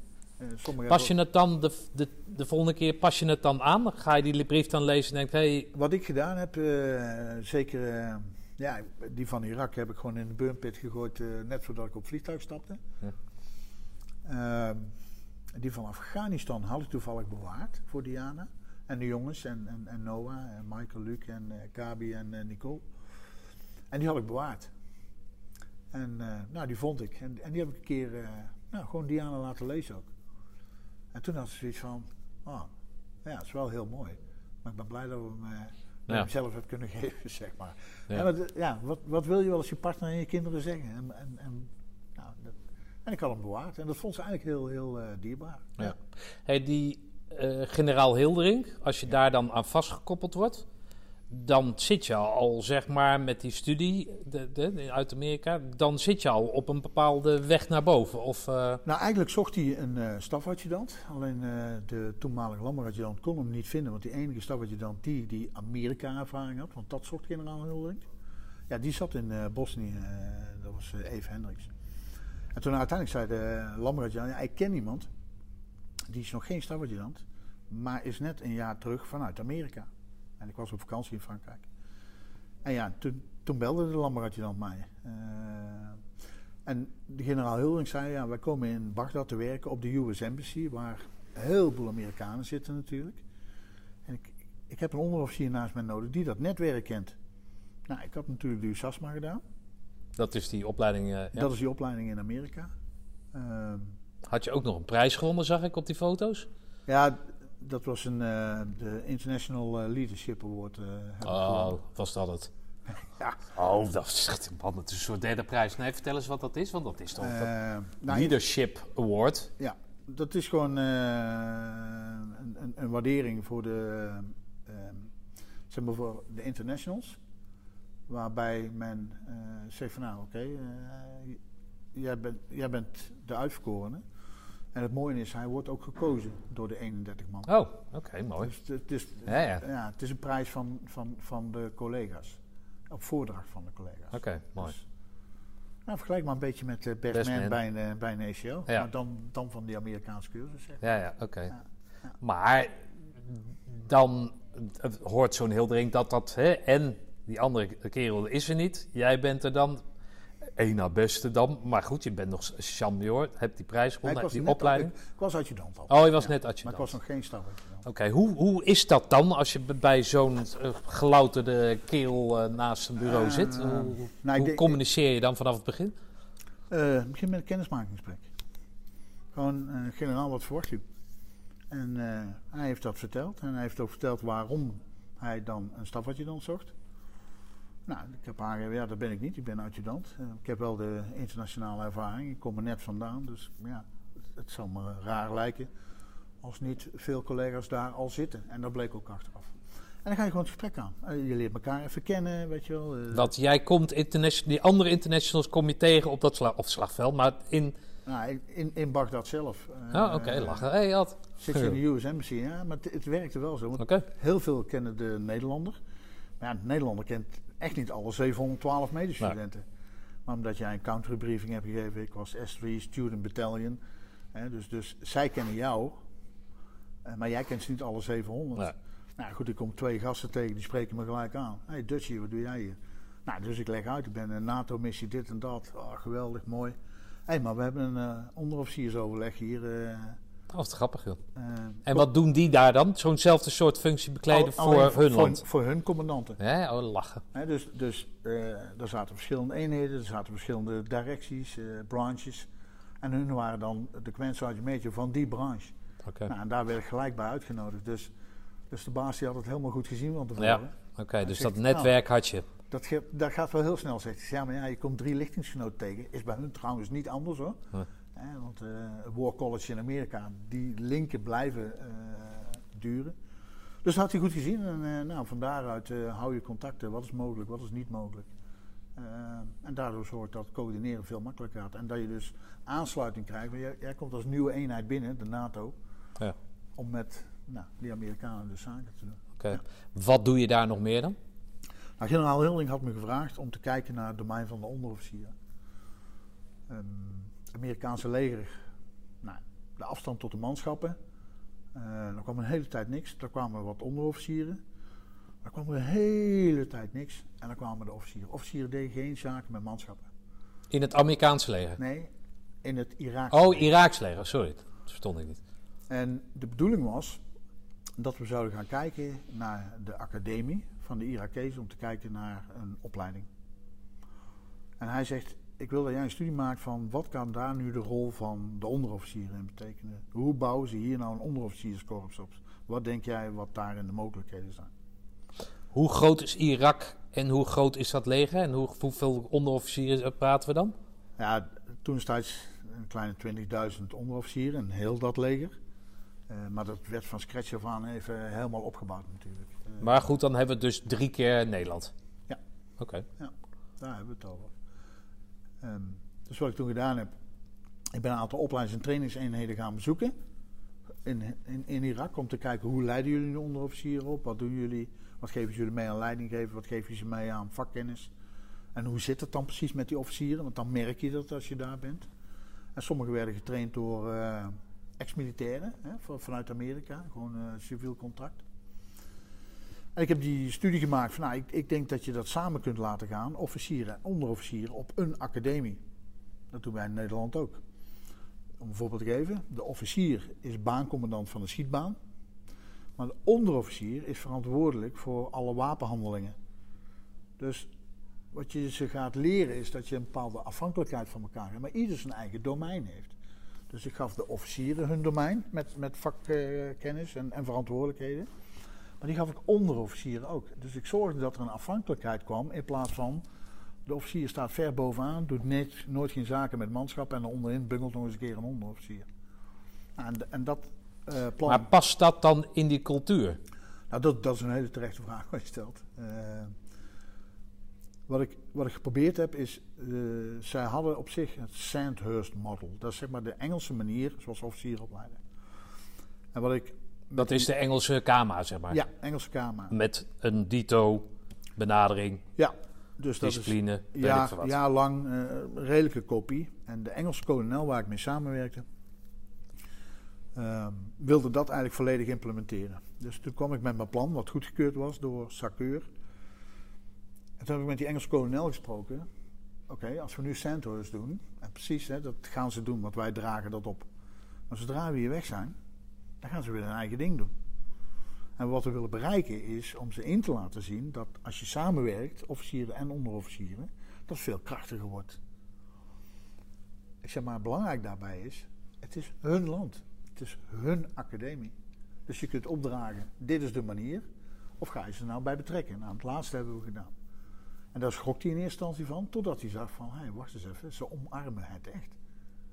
Ja, nou lijkt mij dat bij die onderofficieren, hè, zo op afstand en, en, Mhm. en natuurlijk eh, met de wetenschap van nu, maar met die onderofficieren lijkt me dat niet zo'n probleem. Maar waar het probleem lag, denk ik, is het bij die officieren. Hoe, hoe wist je die officieren dan te bewegen om Ja. binnen zo'n cultuur dan, waar dat ingesleten is, al dat- honderden jaren denk ik. Dat was op zich lastig. eh, want die zijn natuurlijk een stuk verantwoordelijkheid wegvallen. Hè. Hallo, dat bepalen wij. En wat, wat wij ze lieten zien is van... dan hoef je niet altijd zelf ook dat werk allemaal te doen. Dat kun je ook delegeren naar je onderofficieren. Want die zijn bekwaam om dat te doen. Waardoor jij je weer kunt focussen op iets anders. Dus ze zagen ook het nut wel ervan in van... hé, hey, eh, en ik gaf altijd voorbeeld, als je gaat vechten... Ga, sta jij dan achter iedere soldaat in je peloton? Want dat zijn er veertig. Nee. Maar als jij je onderofficieren nooit meegenomen hebt in hoe leiding te geven aan die manschappen, dan moet jij altijd achter die 40 staan. Ja. Terwijl als jij nog meer afstand neemt, dan doen je aan onderofficieren dat en dan kun je groepen aansturen. Waardoor je veel minder slachtoffers krijgt of meer succes op, de, op, op het gevechtsveld hebt. En, en wat we gedaan hebben in het begin, is met al die leerlingen of alle kadetten. eh, ja, we hebben zelf ook de eerste groep met instructeurs mogen kiezen. Want ik ging heel snel over naar trainer trainer. Want niet wij moeten het hun leren, Ja. zij moeten zelf hun mensen. Dus wat pak je? Je pakt de believers, die van daaruit. Nou, dan, dan gaat het balletje rollen. En dan, eh, ja. Oké, maar dan heb je het dus over 20 onder, 20.000 onderofficieren. Mhm. En hoeveel officieren zitten daar dan boven? ja, de overvraag een beetje. Maar dat, dat, Nee, maar zijn dat maar een enk... Is nee, dat... nee, nee, dat, meestal is dat ook wel één op één. Hè? Oh, wel. Want het wel, is ook van luitenant tot en met generaal natuurlijk. Ja, oké. Dus dat, dat zal ongeveer het gelijke geweest zijn. Ja, ja. En dat deden we ook met die NATO-missie, maar dat waren dan weer andere mensen. Want ik was er voor het onderofficiersdomein. Maar we hebben ook mensen geleerd, hè, dus de, de, eh, de commandant van heel die academie, ja, daar hadden we ook een officier naast staan. Hm. Maar ook op het ministerie van Defensie. Dus in alle lagen hebben we toen Ja, als. NATO mensen... En binnen welk tijdsverstek heb je dat dan voor elkaar gekregen? En jij, jij met die kolonel dan samen? Ehm, nou, wij, wij hebben dan binnen zes maanden... Dat is best hele- snel toch? Zes maanden of niet? Ja, het, het, het begon eigenlijk met niets. Hè, want de eerste cursus moest plaatsvinden. En eigenlijk tegen de tijd dat we weggingen, ja, waren er al zo'n 200 kadetten eh, opgeleid. Oké. Ja, sterker nog, een maand later waren ze aan het vechten in Fallujah en noem alles maar op. oké. Hey, en die Sandhurst eh, kerel, die kolonel, eh, kon je daar wat mee? Of, of Ja. wat? Ja? Ja, Want die weet- heeft eigenlijk een beetje hetzelfde, toch? ja die, die, die zag in het begin, eh, wilde hij eigenlijk eerst zijn eigen eh, over laten komen. Maar omdat ik hem overtuigd had van, het is niet per se het Sandhurst model, het is wel de kapstok. Maar je moet met hun cultuur moet je ermee aan de slag. Dus ik gaf ook aan dat de kracht mag zijn om meer nationaliteiten naar binnen te halen. En dat, dat zag hij ook wel. En natuurlijk de drill sergeant, ja, die hebben ze alleen maar in Engeland. Dus de drill sergeant, eh, de man van exercitie, die kwam echt wel uit eh, Engeland. Eh, maar goed, hij zei nee, dan blijf je ook maar RSM. Dus we hebben trainer-trainer opgezet. We zijn gaan bouwen met die kadetten. We gaven zelf het voorbeeld met de eerste cursus. En van Lieverlee namen hun dat over. Dus ja, hij zei, ja, prima tijd mee gehad. Heel Maar dan heb jij toch, toch wel een bepaalde.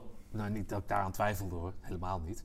Maar dan bezit jij dus een bepaalde eh, eh, overtuigingskracht.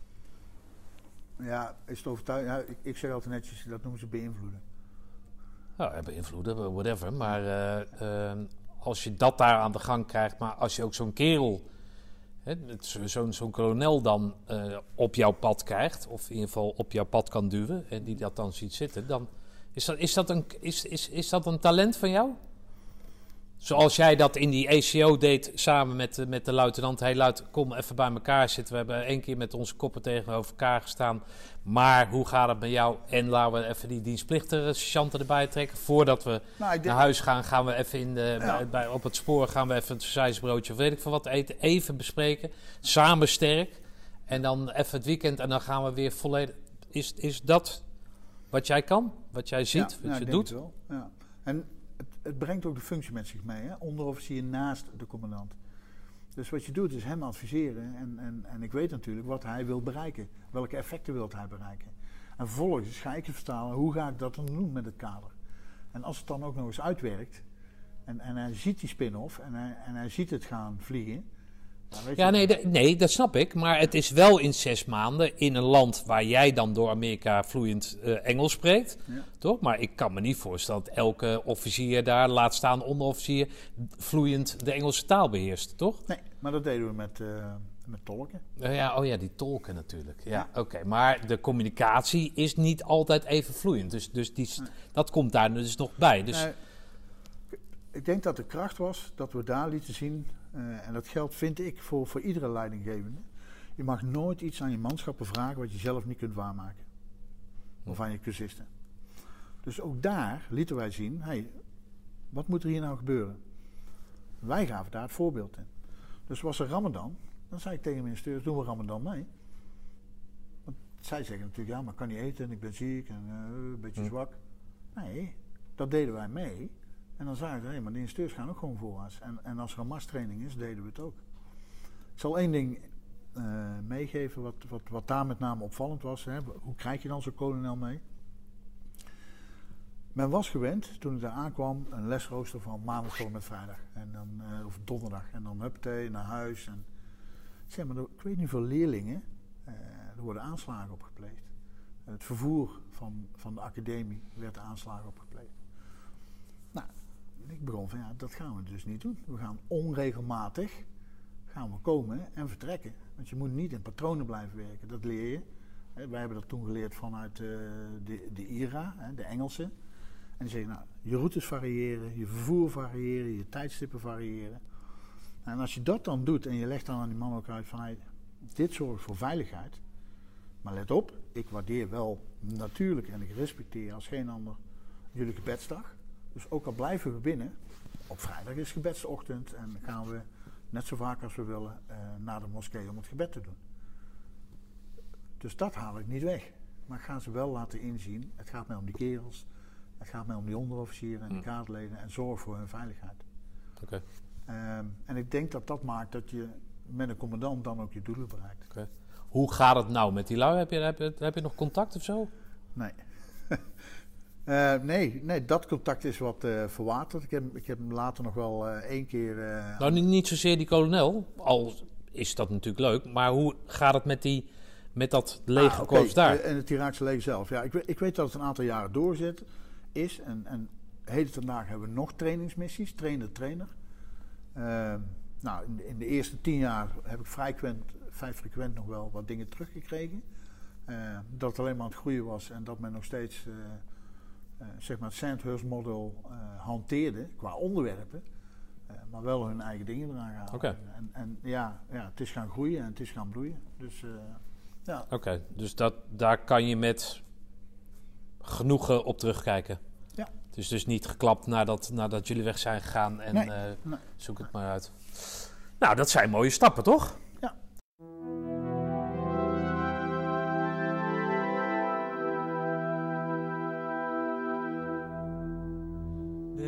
There's no time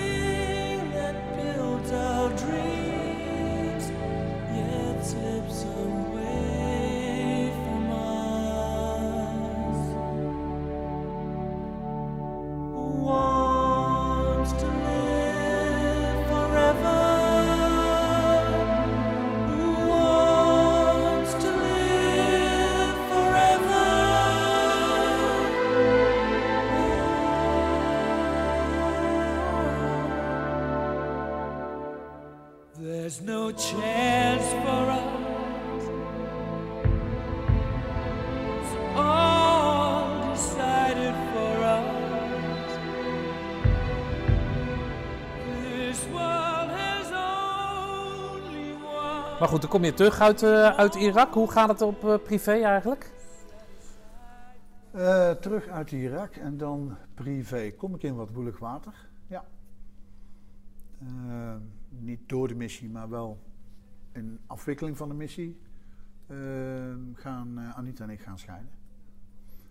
En dat, ja, als je, als je weg bent geweest op een missie, kom je er misschien ook wel achter van, hé, hey, wat, wat missen we nu? Eh, en die gesprekken hebben we aangegaan. En, en eigenlijk kwamen we er met z'n tweeën achter, los van mediation en alles, dat we zeiden van, nou oké, eh, Wat Nee, we- missen we nu? ja, wat, wat mis je nu? Hè? Als, je, als je weg bent, wat mis je dan? Hè? Terwijl je ook een brief schrijft, maar wat, wat mis je dan?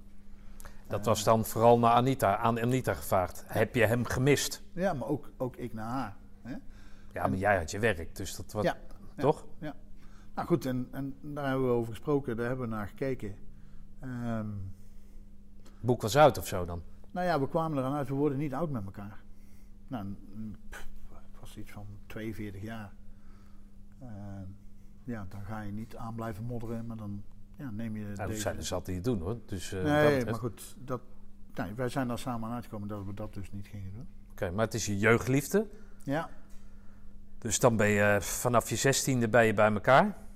Toch? 42, dus eh, hoe lang is dat? Eh, 26 jaar. 25 jaar, 24 Ja, jaar, zes- 26 jaar. Ja, 26 jaar. Eh, dat is nogal wat dan, of niet? ja tuurlijk. In, is dat in, je, je, doet nu de landmacht-adjudant na, en alle redelijkheid. Is dat ook in alle redelijkheid gegaan? Of zijn, ja? Ja. ja, ik denk dat wij eh, met z'n tweeën, eh, eh, nou ja, daar waar we met twee de beslissing genomen hebben van, hey, gaan, gaan we door, ja, nee. Ehm, hebben we met z'n tweeën beslist, nee, dat doen we niet. Dus het was ook geen vechtscheiding. Dus jij zegt waarin jij je vrouw achterlaat, ah, achterlaat tussen haakjes, had, voor zo'n ECO. Hè, dat je brave boer daarop, of dat Ja. brave boer jou daarop aanspreekt, of in ieder geval even levelt, goh, wat is er aan de hand? dat die vrouw die dan dat kind baart, of jullie kind Luc baart, en elke keer zegt: nee, dat moet je doen. Ga, hè, ik weet met wie ik dat, dat je dan tot een met een met een met een in een empathische omgeving tegen elkaar zegt: ja, ik heb, ik heb wat meer nodig dan, dan alles wat wij met elkaar hebben Ja, gehad. het laat zich ook even niet in, eh, in één of twee minuutjes uitleggen. Nee, Dat snap ik. Nee, maar ik vind het juist zo mooi dat je daar dan, omdat je er altijd voor gekozen hebt, vanuit haar dan, dat dat dan op een gegeven moment genoeg kan zijn. Ja. Nou ja, kennelijk. En, en, en, ja, en dan En dat hij- daar, daar verstandig over gepraat wordt. Nee, maar en dan doet hij nog zeer, hè? Let op, hè? Want Ja, verdriet ja. is er niet minder om, hè? Nee, ja, dat hoop ik dan maar. Ja? Want eh, ja, heel, heel veel mensen zagen het ook niet eens aankomen. Nee. Hoe kan dat nou, weet je wel? Maar ja, goed, dat- daar kom je dan met z'n tweeën. Ja, hoe vertel je dat aan de jongens? Ja, dat moment vergeet je nooit natuurlijk. Hm. Nee, dat moment vergeet je nooit. Nou, ik ging vreemd. En ik denk dat, nou, ik mag wel zeggen, het moeilijkste moment in mijn leven was dat mijn, eh, mijn ex zei van, nou, ga het de kinderen maar vertellen. Mhm. Weet je wel? Dat- je daar dan in denkt, ja, jezus. Nee, maar goed, ik, en dat iedereen die, die een soortgelijke situatie heeft meegemaakt, weet dat dat gewoon het pijnlijkste moment is. Ja. Om, om, om, eh, om het je kinderen te vertellen. Maar goed. Maar goed, dus jullie gaan dat regelen. De- de- Ben je dan van slag? Ben je dan, eh, ben je dan of, heb je, of ben je gefocust? Of ga je juist focussen op dat werk zo van, om het van je af te werken? Of? nee, ik, geloof dat ik ook wel even een mindere periode heb gehad hoor. Ja, dat geloof ik ontegenzeggelijk. En natuurlijk kun je heel makkelijk verschuilen en, en in je werk storten. Ehm, nou, ik, ik zal niet mijn topjaar gehad hebben, dat geloof ik eh, ongetwijfeld. Eh, maar als het geen vechtscheiding is, dan scheelt dat ook wel wat Ja. energie natuurlijk. Ehm, nou, en op dat moment eh, ja, geplaatst in, eh, in Weert, eh, ja, stortte ik me weer op het werk. Ja. Oké. En dan slaap je gewoon op de kazerne. Ja, maar dat, dat deed ik al, want ehm ja, Weert Roosendaal was voor mij ook niet dagelijks op en neer. En we hadden nog net de keuze gemaakt naar Amerika. Ik ga niet verhuizen. We blijven in Roosendaal wonen voor de jongens, eh et cetera. Want anders moeten ze iedere keer... Hè, ik wist echt niet waar... eh, waar Eigenlijk kiezen binnen zo'n huwelijk is dat kiezen uit twee kwaden dan. Ja, tuurlijk. Huh? Ja, ja. Oké, maar ik vind het wel mooi dat je die standvastigheid, of in ieder geval die vastigheid voor de jongens dan kiest. Lijkt me, als ik, dat was een van die dingen, ik had nooit beroeps willen worden, maar één keer in de vier jaar, elke keer weer, nou jongens, de- ga je even voor. Nou, ik ben Henkie en ik kom Ja. uit eh, Vlissingen en eh, Nee, en dat, en dat was een keuze, want zeker de jongens 16, ja, eh, 16, 18 jaar, zeg maar zo rond die leeftijd. Ja, die ga je ook niet overal mee meenemen. Dus dan kies je ook van, hey, wat is nou goed voor de kinderen? En dat, dat pak je dan als uitgangspunt.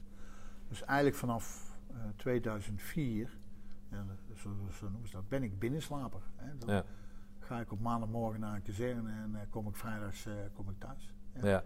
ja, we zitten nu ook op een kazerne. Ja, hè? Dit is mijn huiskamer, eh, Stefan. Nou, Ja, het is best eh, weinig bezoek alleen. ja, Hij is blij, hij stond al te wachten aan de poort. Ja. Daar ben je eindelijk. Ehm, eh, hoe, hoe ga je het leven dan tegemoet voor de rest? Nou, je stort je op je werk, je zit in Weert. Je doet, hè, dus je, je, je hebt nou, iets om, om, nou ja, om je zinnen te verzetten. En dan? Nou, dan ben je in steur, je stort je op je werk, dat zei ik al. Nou, dan pak je de draad weer op. Ehm, nou, en, en- nou, goed en wel in 2006, dan zijn we alweer eh ruim anderhalf jaar verder, eh, kom ik Diana tegen. En, en Hij begint helemaal te glimmen. eh, ja. nee, maar, ja, kom ik gewoon Diana tegen. En, Waar kom je die tegen? Dan in Weert? Nee, nee, nee. Nou, waar dan? Ehm, die kom ik tegen bij de carnavalsband. Ik speel bij een carnavalsband. En eh, kennissen die ook in die band speelden, hadden het een keer tegen haar gezegd: "Lijk- Lijkt dat niks voor jou, een carnavalsband? Nou, en zij, zij was ook gescheiden. En zij eh, komt bij die band en speelt bekkens. Nou, hartstikke leuk. Je raakt aan de praat met elkaar. Zij speelt bekkens in de zin van het, eh, altijd bekkens gespeeld? Nee, nee, nee. Maar Oh, het gewoon- leek haar hartstikke leuk om ook bij zo'n band. Hè, Oh, oké. Zij, zij, zij, zij, zij, zij woonde zo'n repetitie bij. En zei, ah, dat is wel gezellig hier. Ja, en om dan schuifterbonnen op te pikken, dat is dan... Nee. Dus ga je de bekkens doen. Nou ja, goed, ze begon met bekkers om eerst maar eens kijken, een stukje sfeer te beproeven. Oké. Ja, lieverlee leer je elkaar kennen. Is dat een soort uitlaatklep voor jou? Om de- Ja, Ja. Altijd geweest. Ja, ja, dat doe ik al eh, wat jaartjes. Ik denk ja, 24 nu. Oké, maar jij bent vanuit huis, heb jij schuiftrombonnen? Nee joh, ik ben, ik ben, ik ben op veel latere leeftijd pas ooit met een instrument begonnen. Oh, oké. Dus eh, Gewoon puur zo van nou, ja, ontspannen. Nou, ontspanning zoekend. Ik zag die bandjes wel eens. En eh, nou, het leek me ook wel gaaf, maar nooit toegekomen. Hm. En, en, en zo zijn we met een clubje begonnen. Eh Gos kon niet eens noten lezen. Eh, maar wel, Maar wat, wat, wat, wat, voor muziek is dat dan? nou, dat is allerlei soorten muziek, maar natuurlijk carnavalsband, het zegt al, carnavalsmuziek vanuit Roosendaal. Maar, Is dat zo als ik bij, weet ik veel, als het Nederlands team speelt en dan die eind, dat? Ja. Zo goeie mijn, dat. Nou, eh, laat, laat ik zo zeggen, de, de kwaliteit is niet altijd gegarandeerd, maar de gezelligheid wel. laat, ik- laat ik het dan zo net zeggen. maar dan, daar zit dan toch wel iemand die de weg wijst of zo? ja, na, als na niemand tijd noten. Ja. kan lezen? Nee, dus in de loop der jaren pakt iedereen een instrument. Iedereen gaat noten leren lezen. Ja, ja, oké. En, en vervolgens ga je heel Wat je grappig. repertoire verder uitbreiden. Zodat je niet alleen met carnaval speelt, maar ook eens een keer naar een zomerfestival kan. Of naar een vierdaagse waar je optreedt. Of, Oh, ja? nou, en ja, dat, dat maakt het leuk. Hè? Ja. De- Het is een groep van mensen, totaal allemaal verschillend. Wat hoeveel zijn er dan? Ja, dat varieert dan ook. Er komen mensen, er gaan mensen, maar, maar ergens tussen de 15 en, en, en 25 mensen hè, hebben we in de loop der jaren gehad. Nou, eh, en het voordeel is voor mij, kijk, ik zei het straks, hè, binnenslaper. Dus als je dan eens een keer ergens naartoe gaat, naar een bar, dan begin je wel eens over voetbal of je begint wel eens, eh, het met je, met je kinderen? Of, eh, maar uiteindelijk, dat is typisch defensie, binnen no time staan we weer over dienst te kletsen. En wat is dan zo lekker voor mij aan die donderdagavond? Daar zitten allerlei mensen die hebben helemaal niks met dienst. Dus er wordt ook niet over dienst gekletst. Hm. En dan hoor je ook eens van, hé, wat houdt jou bezig? Wat houdt jou bezig? Nou, en dat groepje kwam dus Diana ook tevoorschijn. Oké. eh, al spelend. En, en- Maar dan maak je dus al 24 jaar, maak je daar tijd voor vrij? Of probeer je er tijd voor vrij te Ja, maken? ik moet af en toe strak plannen. En de ene Ja. keer lukt het beter dan de andere keer. Maar zoals nu in Utrecht, stel dat je vrijdag wat te doen hebt, dan zou jij voor die donderdagavond alleen voor het repeteren zou je op en neer rijden. Dat, dat is een optie, ja. Ja. Als het niet te vroeg en niet te laat Nee, wordt. tuurlijk, maar, Eh, maar zo belangrijk is dat voor je. Ja, zo belangrijk is dat mij. Betekent dat, want jij zegt dan, hoor je, dan ontmoet je dus allerlei mensen, dat je als militair bijna geen contact, of te weinig, wein, hoe, hoe dat contact met die burgerij, mis je dat? Bedoel je dat? Nou ja, omdat je heel die week op die kazerne zit, Ja. eh, is, de, is, is de community is natuurlijk allemaal defensie gerelateerd. Ja. Ben je geen binnenslaper, maar kun jij gewoon naar huis toe omdat het dichtbij is of wat dan ook. Ja, dan kom je ook s'avonds je buurman eens een keer tegen. Of je gaat eens naar je familie. Of je gaat eens naar een kennis. Of, weet je wel? Ja. En dan praat je ook over allerlei andere dingen. Eh, omdat dat kan. Maar Ja. dat ontbreekt mij. Ja. Ik moet dus echt alles in het weekend proppen. Maar ervaar je dat als een gemis? Ja. Oké. Want ik, ik vind het belangrijk dat ik ook weet, wat houdt jou bezig, Stefan? Ja. Wat, wat gebeurt er nou in de zorg? Wat gebeurt er bij jouw bedrijf? Hey, dat gaat failliet, wat doet dat? En weet je, ik vind het belangrijk, want Ja. daarmee hou je ook wel goed voor ogen problemen bij Defensie. Ja, wacht even, er zijn er nog meer. Hè? Die, een beetje die beroepsdeformatie van alleen maar Defensie. Ja. Eh, vind ik het ook heel belangrijk wat, wat, wat eh, andere mensen bezighoudt en wat er gebeurt en wat er speelt en wat er doet. Oké, maar als binnenslaper kan dat niet altijd. Daarom is naast het, de liefde voor de schuiftrombone, is daar ook dat intermenselijke contact wat jou, wat jou nou ja, ontspant. Ja, want, is zo'n diverse groep, Oké. dat maakt het heerlijk. Maar goed, er komt dus iemand die moet die bekkens bespelen. En dan, hoe, hoe ga, je, ga je dan de serenade met die schuiftrombone? Of was je nog niet zo ver? Nee, volgens hoe- mij was ik nog niet eens. Ja, god. eh, nee, wij, wij, wij raken. Ben je op zoek dan? Naar, naar warmte, naar liefde, weet ik wat. Nee, want ik had zoiets van: ik ben veel te druk en eh, dat, dat eh, past allemaal niet. Dus het, van het een komt het ander. Je klets met elkaar. hey, leuke meid. Hey, hetzelfde interesses. Nou, dat bleek ook later. Eh, motorrijden deden we samen, wandelen, de vierdaagse. Nou, ik heb ze zelfs aan het duiken gekregen. Want eh, Oké. Ja, ik, in Weert was ik duikinstructeur geworden. Eh, dus nou, duikopleiding hebben we gezamenlijk gedaan en eh, we zijn ook gaan duiken en dergelijke. Dus ja, we, we hadden zoveel ja, eh, gemeen. Ehm, Maar wat jullie vooral gemeen hadden, was dat jullie allebei gescheiden waren. Nou, dat, dat was wel een gemene delen, ja. Ja. Ehm, en ik, ik kan me nog herinneren in het begin van, ja, maar ik denk, die zit niet op mij te wachten. Want wie, wie wil er nou vent die een hele week van huis af is? Nou, dat, en dat zie je dan Diana wel. Ze zegt, hij, doe je ding. Ja, maar let op, ik kom niet iedere avond naar huis. Nou, dat hoef ik niet. Oké. Oké. En, en Maar wat je hoe- dan hoe- ziet... Maar hoe, hoe, waarom, waarom wilden ze dat niet dan? Nee, omdat Di- Diana was zelfstandig vrouw. Ze zorgde zelf voor haar kind. Hm. Nou ja. Eh, woonde op zichzelf. eh, ging zelfs een hele week werken. Want ze was gescheiden. Eh, dus verschrikkelijk zelfstandig. Ja, dat, dat, dat trok mij wel aan, eh, Ja. zeg maar. Ehm, en, en tot op de dag van vandaag... Nou, eh, ik hoef het jou niet uit te leggen. Je hebt, je hebt dat waarschijnlijk ook wel gezien bij die, eh, bij die award. Ehm, ik kan dit werk doen dankzij Diana. Die heeft me al die jaren gesteund, wat ik ook ging doen. En iedere keer als er een momentkeuze kwam, zei ik: Diana, sta je erachter als. Nou, dan gaf ik aan wat het was. En waar ga je dan naartoe? Ja, ja, ik ga van Weert ga ik naar Amersfoort. Oké. En wat is het verschil voor mij? Ja, Gereed. nee, maar ik rij op maandagmorgen ik naar Amersfoort in plaats van Weert, weet je wel. Ja. En zegt ze, nou, oké. nou, eh, nou, als jij dat wil en jouw ambitie is, ga je gang. Ja. Ehm, ja, dat moet je ook Zou, doen. zij dat ook, zou jij dat ook voor haar kunnen opbrengen? Ja, dat is, dat is een goeie, ja. Eh, als ik niet meer werk. nee, nee, nee, maar, maar- nee, maar nee, Ja, nou, ja, als je het, niet meer het is zo'n terechte vraag die je stelt, Stefan. Dat is net als met missies. Hè. Ik geloof dat ik het straks ook al wel gezegd heb. nou ja, wat, wat jij met Anita hebt meegemaakt natuurlijk. Ja. Nee, ehm, ja, dat, daar zul je op dat moment even over moeten praten. Van, oké, en als jij dat dan wilt... eh, ja, wat, wat zou het dan voor mij betekenen? En, en dan moet je opnieuw in gesprek natuurlijk. Ja. Eh, maar goed, die, gelukkig heb ik die vraag dan niet gehad. Zo Nee. eerlijk ben ik dan ook wel. En, en ja, uiteindelijk door de functie zijn, maar ook, ook de missie. Want eh, daarna heb ik nog een missie gedraaid naar Afghanistan. Dat was haar eerste. Mm, toen kwam ik terug als korpsadjudant. Nou, dat, dat was mooi toch? In Roosendaal. Nou, dat kan altijd op de fiets. Oh ja, natuurlijk. Ja.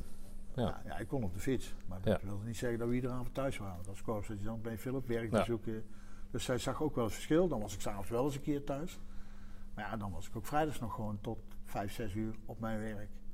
En bij die andere banen probeerde ik ook wel steeds meer op die vrijdag eens gewoon proberen thuis te werken.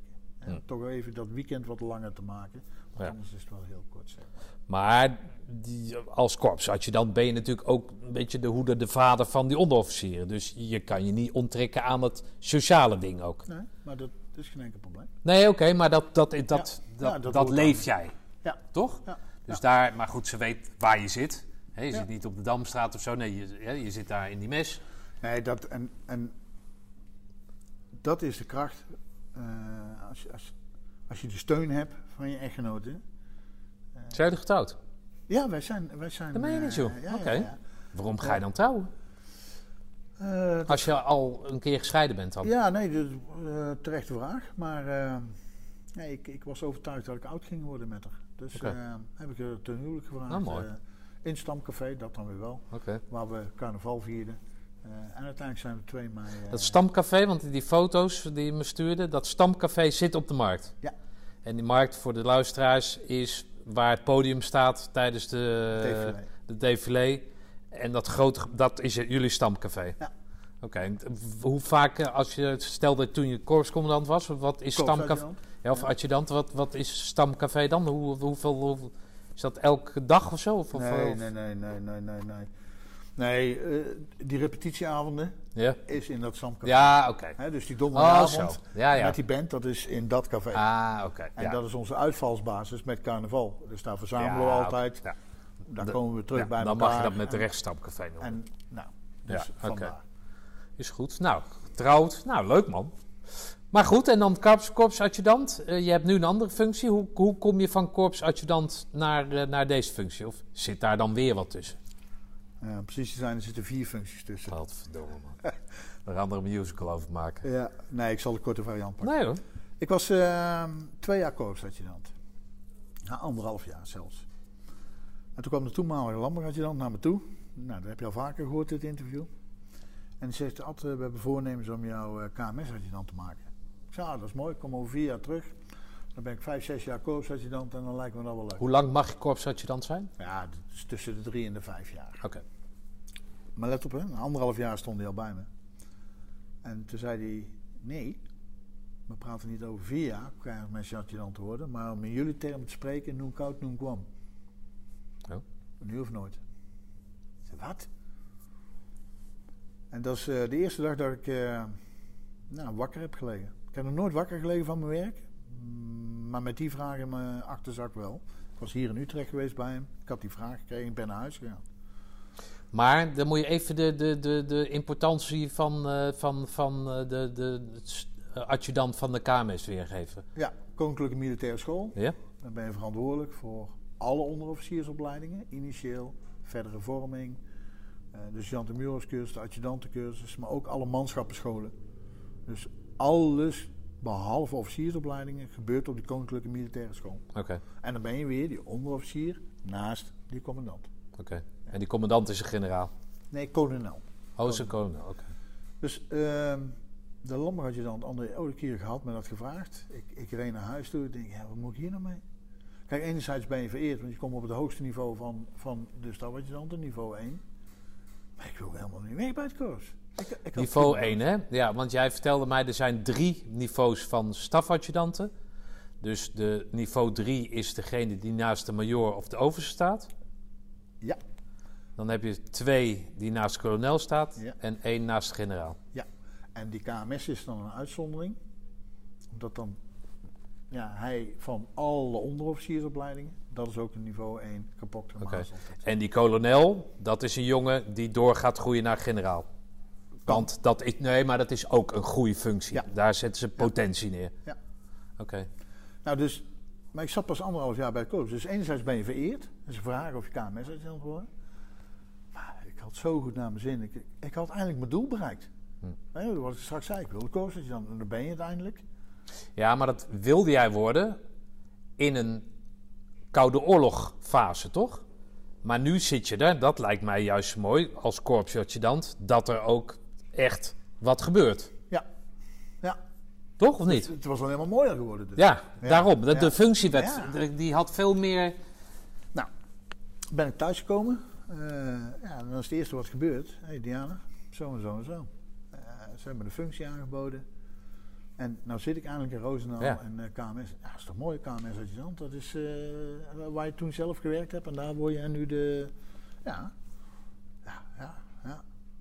Oké, maar wa- wanneer gaat het dan gebeuren? Nou, dat- Doe ik al, doe ik wel. ja, Ja. hoe kan kwam, weet je wel. Dus ja, nee jongen, deze beslissing moet jij nemen. Dat heb ik echt wakker gelegen, want ik voelde als het korps in de steek laten.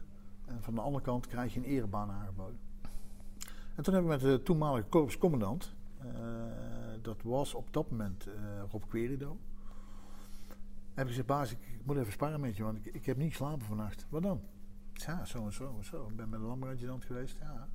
Zij heeft gevraagd om KMS-adjudant te worden. Ja, wanneer dan? Zei, ja, eh, op een vrij korte termijn. Hm, oké. Ja, soms komen de kansen voorbij had. En soms komen ze maar één keer voorbij. Is, dat, is het echt een kans? Ja. Oké. Ja, ik heb geen idee. Ja. En dat vond ik een hele lastige. En eh, ik heb nog meer mensen geraadpleegd. Wat moet ik hier nou mee? Dit en dat en zo en zo. Maar het was ook eenmalig.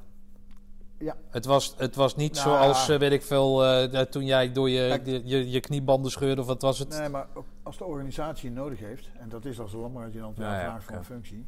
Ja? Hm. Eh, want je bent, je bent niet alleen co-adjudant, je bent er ook voor de onderofficieren.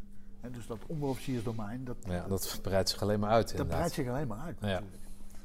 Ehm, dus dat was een lastige keuze.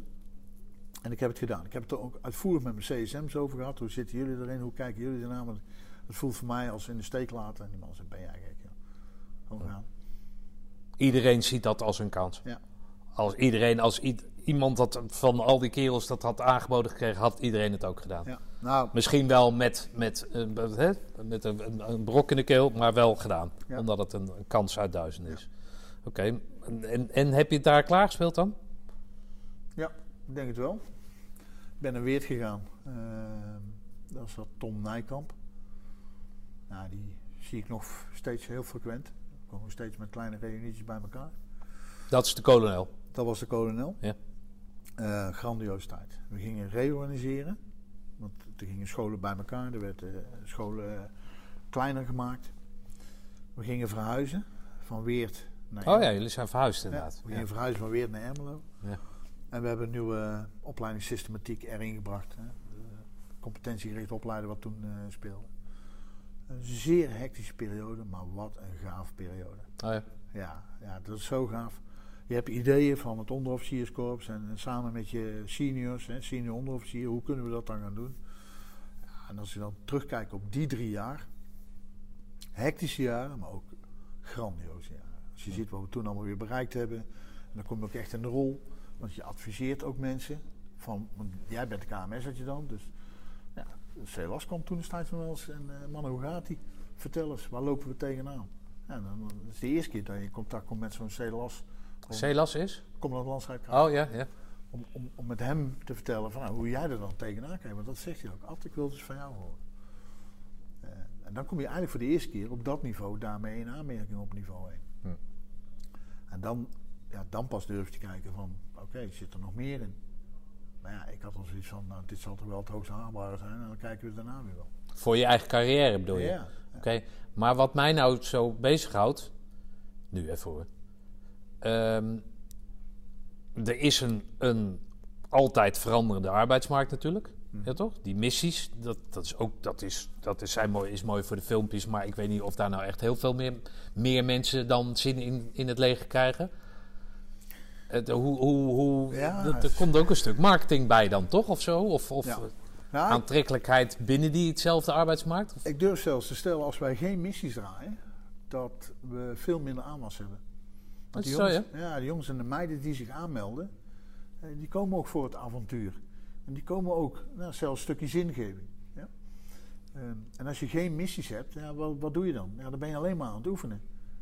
Maar, maar ze willen voor het echt. Ze willen dat avontuur. Dus dat sportje, eh, ja, wat een van de meest, of het, mooiste sportje vind ik, maar dat die is breed over de hele maatschappij en, en neer te leggen, is eh, Skilled for Life. Hè, dat, dat werd een keer in zo'n sportje genoemd.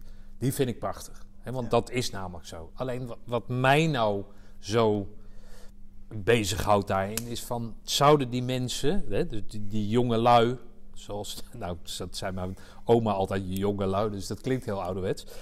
En ik word inderdaad ook ouder. Maar die zijn zich toch ook bewust van dat het niet alleen avontuur is, maar dat er ook een kogel heel treffend op jouw lichaam geschoten kan worden. Ja. En als ze dat niet zijn, maken we ze daar ook wel bewust van. Dat, dat het ook gevaren met zich meebrengt. Ja. Maar je bent niet alle dagen bezig dat er op je geschoten wordt. Dus wat bedoel ik daarmee? Eh, Een stuk avontuur kan ook zijn de oefeningen in het buitenland. Of nou, meer dingen doen dan, dan, dan je zeg maar eh, nou, bij, bij het gemiddelde magazijn doet. Hè, om het zo Ja. maar eens te zeggen, als je een magazijn bent. Maar ook, ook recente inzet in Limburg. Ook daar, weet je, op het knopje drukken, mannen inpakken, we gaan steunen. Hm. Ja, dat vinden die kerels prachtig. En Ja, de meiden. Dus het is niet altijd gerelateerd per se naar, moet het nou alleen maar schieten zijn? Er zijn ook andere missies geweest. eh, waar, waar het dan niet per se dat geweld was wat we in Afghanistan gehad hebben. Hm. Dus daar zitten gradaties in. Maar dat bouw je dus helemaal in, in, in die reorganisatie. Nou, dat, dat, dat neem je mee als zijnde hoe gaan we nou onze toekomstige onderofficier vormen? Wat geef je hem nou mee om te laten zien waar het straks om doet? En ik ga je eerlijk verklappen, ik heb ook een aantal zaken teruggebracht, of mijn ideeën geuit van de KMS-opleiding. Daar zat wel vorming in, maar ik miste bijvoorbeeld vorming onder verzwaarde omstandigheden. Zoals we vroeger de gevechtscursus hadden. Hm. Dus we hebben nu, toen destijds, hebben we terug ingebracht.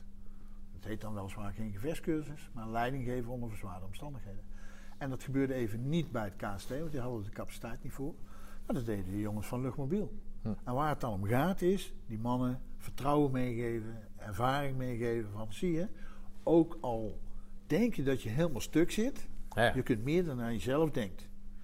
Let op, als leidinggevende gaan zij ervaren, dat lijkt als een belasting, maar wat ik zelf aangaf in dat eerste gedeelte, je kunt het ook gebruiken. Als ik leiding geef, hoef ik niet aan mezelf te denken. Ja. Zorg voor je kerels.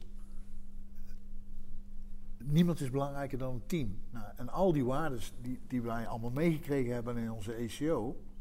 Als jij geen gevechtscursus hebt gehad of wat dan ook. Ja, die waarden kun je wel meegeven in zo'n opleiding. En ik denk dat we dat toen wel gedaan Het is wel mooi dat dat, dat, dat concept dus... Hè, want je bent, hebt heel lang Padstorm gedaan, hè? vier jaar of zo. Ja. Dus daar, die ervaring neem je dan ook mee. Ja. Hoe heb jij die kerels in, in, eh, in Schaarsberg? Schaarsberg is dat? Ja. Hoe, hoe- is dat dan hetzelfde vlammende betoog wat je nu... Hè? Nou, ik heb, eh, toen we de eerste try-out gingen draaien, eh, samen met de major van de school Initiële Vorming, zijn we ook met de instructeurs in gesprek gegaan. En heb ik bijvoorbeeld daar ook aangegeven, het gaat niet om de tijden, het gaat niet om afknijpen. Het gaat erom dat hij gaat zien, nou, dan precies die dingen die Ja. we zeggen. En, en ja, ik, ik kijk wel eens met verbijstering de man die ooit in Eckenkerk deze cursus gemaakt heeft. Die dan ECO voor ons heet. Waarvan de basale dingen nog steeds aanwezig zijn. Hm. Nee. Wat een visionair is dat geweest. ja, ja, zeker. Om, om Ja. wat daar in opleiding gebeurde en de sterke punten die we dan heden ten dagen nog steeds doen. In het vormen van, van toekomstige leiders. Oké. Ja. Dus, wat ik wel mooi vind, is dus dat al die ervaringen, zo gaat het natuurlijk altijd met ervaring, maar al die ervaringen die breng jij in, in het omvormen van die KMS. Ja. Samen met de kolonel dan. Ja. En dat doe ik niet alleen hè. Nee, uiteraard. Nee. Want ook hier weer senior onderofficieren. En dan ga je uitleggen waarom we denken dat we zo'n gevechtscursus nodig hebben. Hè? LOVO. En, en nu zie ik ze eh, met een CIVO, zie ik ze ook met trots binnenlopen. Hè? Die CIVO school, is? Ja, school initiële vorm Oh, van ja. En die sluiten dan zo'n gevechtscursus, zo'n LOVO-cursus. Ja. Van twee weken onder verzwaarde omstandigheden. En die hebben ook een binnenkomst. Onder Ah, een poort door. Ja. En, en dan staan de medeleerlingen die die cursus nog moeten doen, staan te klappen voor datgene. En Nee. daar gaan ook gewoon die kindertjes omhoog. Ja, tuurlijk. En die schouders naar achter en die borst vooruit. Ja. Dus die trots na al dat afzien, Ja. hey, dat is voor dat is ons mooi. heel herkenbaar. Ja. Nou ja, en, en, maar ik hecht... eh, eh, niet dat mijn mening ertoe doet, maar meer waarde aan... omdat zij dat ook daadwerkelijk moeten gaan, gaan, gebruiken in... Hè, waarvoor ze worden opgeleid. En dat kan dus ook in het buitenland zijn. Ja, en, en dat is ook een stukje mentale weerbaarheid. Ja, Jongens, het is pas afgelopen is als het afgelopen is. Ja. Het kan altijd nog erger. ja. En wat kun je dan doen als leidinggever om die groep mee te ja. Maar mooi dat jij dat hebt mogen, mogen opstarten dan. Nou, het was er natuurlijk al wel. Alleen en verhuizen en een opleidingsvernieuwing. Ja. Hè? eh, dus niet de oude eh, nou, leest van opleiden, maar wat kunnen we nou die leidinggevende meegeven en die veranderingen? Krijg je nog weerstand daarin dan, Ja. van, van de oude generatie? Nou ja, ver- eh, veranderingen roepen sowieso weerstand op. Nou, maar als je het kan uitleggen waarom het is. Ja. Nou, dan krijg je het, hè. verandermanagement. Je begint met believers. Die ga je om je heen verzamelen. Ja. En, en wat betekent dat dan? Nou, dan wordt er eerst zo'n try-out gedraaid. Dan praat je terug met de instructeurs. Hoe hebben jullie het ervaren? Wat hebben jullie gezien? Je praat met de kaderleden van de school. Maar je praat ook met de leerlingen. Nou, en dan haal je de sterke punten eruit. En de minder sterke punten pas je aan. Nou, en zo gaat dat beetje bij beetje groeien. En, Oké. eh, nou, en zie je hier, we zijn eh, zoveel jaar later. Ja. Hoe gaat het er nu mee? Ja, gaat nog steeds door. Acht jaar later, ze komen nog Ja? steeds, eh, op die manier worden ze gevormd. Oké, waar is die kolonel gebleven? Die is ondertussen met FLO gegaan. Oh, oké. Ja, ja, die ging met eh leeftijdsomslag. Oké.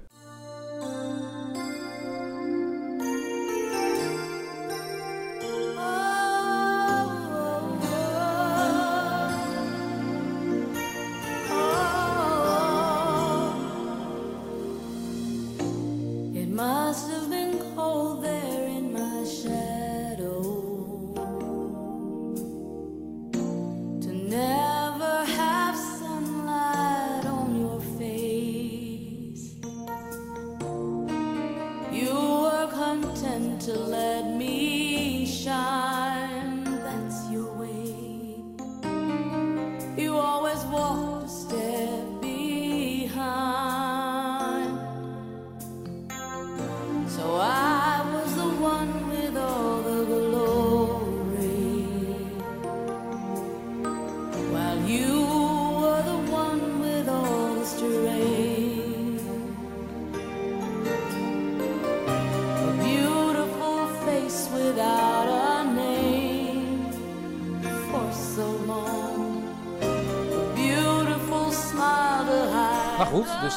functie van die vier functies. Ja. Oh ja. Godverdomme. Wat een carrière, dames en heren. Ja. Nee, ehm, op dat moment eh, zat ik drie jaar op functie. En toen eh, werd er gevraagd van, eh, wat zou je hierna willen? Ja, lastig. Ik heb wel ideeën. Boven de KMS zat Otco. Maar, Otco is? opleidings- en trainingscommando van alle opleidingen, van alle wapens en dienstvakken in heel Nederland. Dat was een idee. En toen kwam de landbouwadjudant van, maar waarom kom je niet eens een keer bij stafklas kijken? Nou, dan heb je zoiets van, ik wil niet bij staf komen. De landmachtadjudant is wat je nu zelf bent. Ja. Dat, die maar mijn functie. voorganger die kwam Ja, ja. dus van, eh, nou. En toen heb ik een tijdje bij de directie training en operatie gezeten. Wat, wat dus alleen maar over missies gaat en gereedstellen en oefenen en dergelijke. Heb ik een maand of zes bij gezeten. En toen ging de eh, adjudant eh, van personeelszaken, om het zo maar eens te zeggen. Die werd overgeplaatst. En toen hadden ze eigenlijk geen PNO-adjudant. En, t- en toen, uiteindelijk hebben ze mij gevraagd, lees aangewezen om dat te gaan doen. En ik had natuurlijk een klein beetje P-achtergrond, namelijk als OPZ'er. eh maar ik ben personeel eh, gaan doen. En eh, dat heb ik ruim 2,5, 3 jaar gedaan voordat de sollicitatie kwam naar landbouwadjudant. Dus ik heb ook nog eens drie jaar in zo'n staf gewerkt. Waar ik nu zelf middenin zit, maar nu als landbouwadjudant. Oké. Dat is verrijkend. Nou, Qua, qua er- me- meerdere ervaringen. Ja, want je ziet nu eh, op, op, op, op het landmachtniveau wat daar allemaal speelt en doet. Hm. Eh, los van de kennis die je daarbij krijgt, van hey, we lopen dan die processen naar het Haagse. We lopen die processen met de overige krijgsmachtdelen, daar krijg je allemaal inzicht in. Veel te lang om over uit te wijden, ook helemaal misschien niet leuk, maar je krijgt wel die inzichten. En wat je krijgt is natuurlijk, omdat je hier drie jaar rondloopt, ook je netwerk. Hm. Want de mensen die hier werken, komen soms weer terug in een andere rang. Maar ja, je kent de mensen wel. En, en een van je pijlers van, van onderofficier naast commandant is natuurlijk je netwerk. En dan niet alleen de onderofficieren. Nee, dan is het ook wel handig dat als jij een directie binnenloopt, dat ik weet waar ik moet zijn. En ik zeg, joh, kun je Ja. me eens even uitleggen, want ik heb hier iets gelezen. Dat snap ik even niet. Kun je me Hm. dat uitleggen? En dan eh, heb je dus ook dat netwerk. eh, ja, het is heel makkelijk om, eh, om daarmee aan te Dus jij gaat steeds hoger in dat netwerk. Jij wordt meerdere keren door diezelfde landmachtadjudant wordt jij gebeld. Ja. Die is jou een soort in Ja. het geheim aan het klaarstomen om jou, hem op te toch volgen. Iedere, iedere keer een ander wel hoor. Dus Ah, oké. ik, heb, ik heb er natuurlijk wat versleten in de loop der jaren, om het zo maar eens te zeggen. Maar, eh, Maar binnen die, jij bent de high potential voor die functie. Ja, en, en, en wellicht meer met mij. Eh, maar ik kwam wel steeds meer in een adviesrol naar de landbouwadjudant. Ja. Dat wel. Ik maakte wel van heel dichtbij mee eh, waar hij mee geconfronteerd werd of, of eh, wat iets meer. Dus ik, ik, ik had wel goed beeld, naar mijn mening, wat de functie inhield. Ja, en dan komt de eerste keer het gesprek van, heb, heb jij er wel eens over nagedacht? Ja, maar ik, ik ben niet de reguliere man, want ik heb een ander traject gelopen dan menig één, weet je wel. Nou, en daar, daar ga je dan over in gesprek. En waarom het dan wel of, of niet zou willen. Nou, dan denk je, jeetje, maar die man die is dag en nacht aan het werk, joh. wil ik dat allemaal wel? Ja, en dan komt hij weer. Ga je eerst thuis in gesprek. Van, hé, hey, wat lijkt jou dat als? Eh, en dat heb ik ook met Diana gedaan. En ook hier was, nou, wat verandert er dan?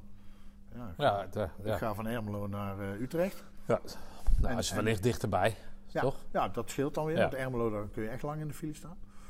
En natuurlijk komt hier wel iets meer bij kijken. Hè? Dus ook af en toe vertrekken in een weekend of een weekendbelasting. Maar daarin moet je gewoon hele goede eh, afwegingen maken van... oké, hoe doen we dat dan? Eh, natuurlijk hebben we vertekend beeld. Want anderhalf jaar corona krijg je een heel ander eh, iets.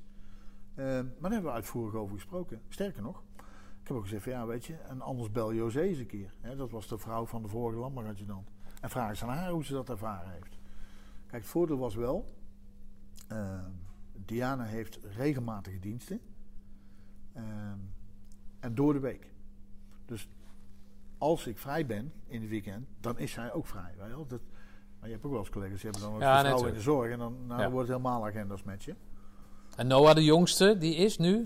Eh, Noah is nu 21. Ja, oké. Dus, dus je kan zeg maar Noah alleen thuis laten. Ja. En dat komt natuurlijk een paar jaar geleden ook. Nee, dat is sorry Maar- Noah. Zo Ja. weinig vertrouwen met Nee, maar eh, wa- wat bijvoorbeeld wel eh, een rol speelt, eh, Diana is dus ook niet alleen. Natuurlijk, Noah studeert en, en heeft ook haar bezigheden. Maar ik geloof echt, als, als, als je kinderen allemaal het huis uit zijn en je bent Ja, alleen thuis, dan wordt het weer een ander verhaal. Ja. Eh, Dus, dus, Ja, dat is ook wel heel waar. Ja. Ja. Oké. nou, en, en toen is hij zeg maar, het balletje gaan rollen. Ehm, Maar hoeveel, hoe- als jij zegt dat hier, een, een, een- nou dat zeg je niet, maar dat, dat maak ik zo op, dat, je, dat het niet zomaar een baan is. Je slaapt niet zomaar, je wil hier effectief zijn, want je wil donderdagavond in Roosendaal zijn, vrijdag wil je een soort voorbereiden voor maandag. Hè? Ja, dus je, je, je propt heel veel, je bent er toch, dus laat maar aan het werk gaan. Ja. Hoe ziet zo'n dag er dan uit voor jou eh, hier dan? eh? Eh, het battle rhythm, hè, zeggen ze dan altijd zo mooi, hè, de militairen. Ja, dat verschilt een beetje per dag. Eh, kijk, maandag is eh, wel een eh, office day, zoals we dat noemen. Nee, maar je propt hem helemaal vol, of niet? Nou ja, we waren iets verlaten hè, vandaag. Hè? Ja, nee, oké, nee, maar... Nee, dus mijn dag begint om 7 uur. Ja. En ehm, nou, in dit geval ben ik ergens om- om 7 uur klaar met eten. Ehm, en dan ga ik sporten. Wat hier gewoon ook binnen is. En dan kan het zijn dat ik daarna nog wat mail wegwerk en telefoontjes. En dit is nu een bewuste keuze geweest. Van, ik kan natuurlijk naar huis rijden. Maar dan weet je nooit, komt hij thuis? Eet je mee? Ja, nee. Of kan ik nu gewoon alles in die dagen proppen dat ik hier ben? Want niemand heeft in de gaten tot ik Ja. tot 8 uur of 9 uur bezig ben. Dan eindelijk wat rust te creëren op zo'n vrijdag. Dus ja, de dagen zitten vol. Oké. Eh, mijn eh, toegevoegde plant eh, mijn agenda op een uur. Per uur zit er iets in. Oké, maar als je dan s'avonds klaar bent, ga, ga je dan slapen? Nee, wat ik, wat ik echt tracht te doen is eh, toch even dat eh, uurtje of wat eh, sporten in de gym. Ja, wat je vertelde. Maar Ja. als je eenmaal op bed ligt, slaap je meteen of, of lig je nog te malen over je werk? Of, Nee, nee, nee. Ik, Nee? nee, ik kan heel goed naast me neerleggen en morgen weer een dag. Oké. Dus ik, ik, ik ben geen piekeraar. Oh, er zijn genoeg uitdagingen hoor, let op. Maar goed, dat hoef ik ook allemaal niet alleen te doen. Hè. Dus dat deel je, of je delegeert, of je, hebt er mensen over, kun jij daar eens naar kijken. Ja, eh, ik, ik zeg wel, je- eh, er is een verschil tussen druk hebben en druk maken. Ik wil niet zeggen dat ik niet betrokken ben, maar ik, het is niet zo dat ik wakker lig. Ik maak me soms wel zorgen, maar daar slaap ik niet echt minder om. Nee. Nee. Ga jij dan ook wel eens zomaar naar een kazerne en gewoon maar zo, zomaar eens kijken? Of word jij altijd aangekondigd? Kan wel Of, zijn... hebben ze zoiets van, ja, het wel. Nee, nee, nee wat, wat, wat we wel proberen, we willen mensen niet verrassen. Eh, in principe plan ik één of twee dagen in de week, eh plan met toegevoegd dat we ergens op werkbezoek gaan. Nou, en het wil heus wel eens een keer gebeuren als ik bijvoorbeeld naar een onderofficiersdag in de avond te ga, dat ik dan de avond ervoor ga. Waarom? Dan ben ik ook daar binnen slapen. Dan praat je met de mensen die daar ook binnen slapen. Nee. Hoe vergaat het jullie hier op deze kazerne? Eh, of je drinkt even een biertje met ze. nou ja. En dan de volgende morgen ga je mee ontbijten. En dan zie je ook hoe zo'n keuken en of dat allemaal loopt. En, en, en dan ben je constant. Ja, want dat is ook jouw ding, toch? Nou ja, je, ik kijk er wel altijd Ja. naar. Hè, want, eh, Het zijn arbeidsomstandigheden, nou toch? ja, ja. precies. En, en dan hoor je de echte verhalen. Ja, want ik zag op een van die foto's zag ik jou in een keuken staan. Ja. Maar dan ga jij dus ook je op de hoogte stellen van, eh, nou, eh, Ja, vertel. eh, wat is het menu? Nee, maar Ja. hoe, wat, hoe, hoe doe je dat? Of, dat, dat- je duikt er helemaal in, in dat hele onderofficiersding. Dat, is, dat maak, probeer jij je dat, dat ding te maken. ja, ik zou ook altijd geen doc- en pony show doen voor mij, jongens. Of presentaties. Nee? En dat, dat weet mijn toegevoegd als hij een werkbezoek plant. Tuurlijk is er even een office call met een commandant en een senior onderofficier. En dan zeg ik, nou vertel maar, wat kan ik verwachten? Of wat zijn de topics van u? Nou, en vervolgens ga ik de eenheid bezoeken. En ik zeg altijd tegen de, de seniors, laat mij in gesprek komen. Hm. Met manschappen, onderofficieren.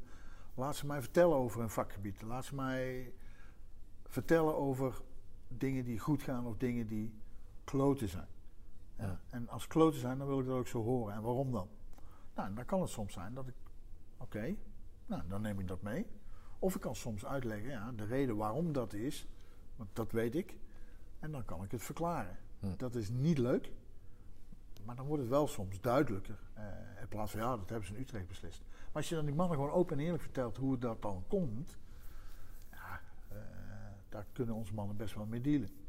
Oké. Eh, en, da- en dat is denk ik je coördinerende rol, hè? de brug slaan tussen de werkvloer en de baas. Want ik weet waarom de baas de beslissingen genomen heeft. Ja. Nou, dan zitten allerlei lagen tot aan de werkvloer en die horen heel iets anders. Maar ook andersom. Hey, baas, wat ik nou gehoord heb, Ja. ze roepen dat dit allemaal in orde is, maar het is nog steeds niet in orde. Durven mensen naar jou toe te komen of niet? Ja, Eh, alhoewel ik ook goed snap, een 18-jarige kijkt anders tegen deze 58-jarige adjudant aan dan bijvoorbeeld een competitiejambior die mij kent vanuit al andere dingen. Nee, natuurlijk, maar ik heb het meer over die... Ja, ik, ik, ik snap dat. 18-jarige, zeg maar. Ja, nee, dat, dat vinden ze dan wel eens lastig. Maar goed, laat dat er mij over. Ik, ik sta erbij en eh, hey, vertel eens. En, eh, ja, je maakt een praatje, je maakt een grapje. Eh, als ik bijvoorbeeld naar de Vrede Peel ga, dan zeg ik, nou mannen, leuk stapje hier bij Rips. Dat is een dorp ernaast, weet je wel. Want de Ja. dichtstbijzijnde stad waar die mannen kunnen stappen is Arnhem en, eh, Ja, en ja, oké. En dat, weet je, dan heb je ze gelijk. Ja. Want ze schieten in de lach. Ja, en wat jij natuurlijk vertelde, is natuurlijk, je, je bent zelf onderofficier. Ja. Ja, toch? Dus ze weten dat jij ook sergeant bent geweest. Ja. En ze weten, ondanks dat jij nu helemaal in die eh onderofficierspyramide helemaal bovenaan staat, dat jij daar ook onder hebt gezeten. Ja. Ja, en dat, dat is de kracht inderdaad. En dat, ja. dan het mijzelf. Ja, dat, dat moet de kracht zijn. Wat, wat denk jij dat die, die kerels eh, uit jouw eh, oude peloton, wat, wat, wat, wat, wat vinden die? Wat denk jij dat die van jou vinden?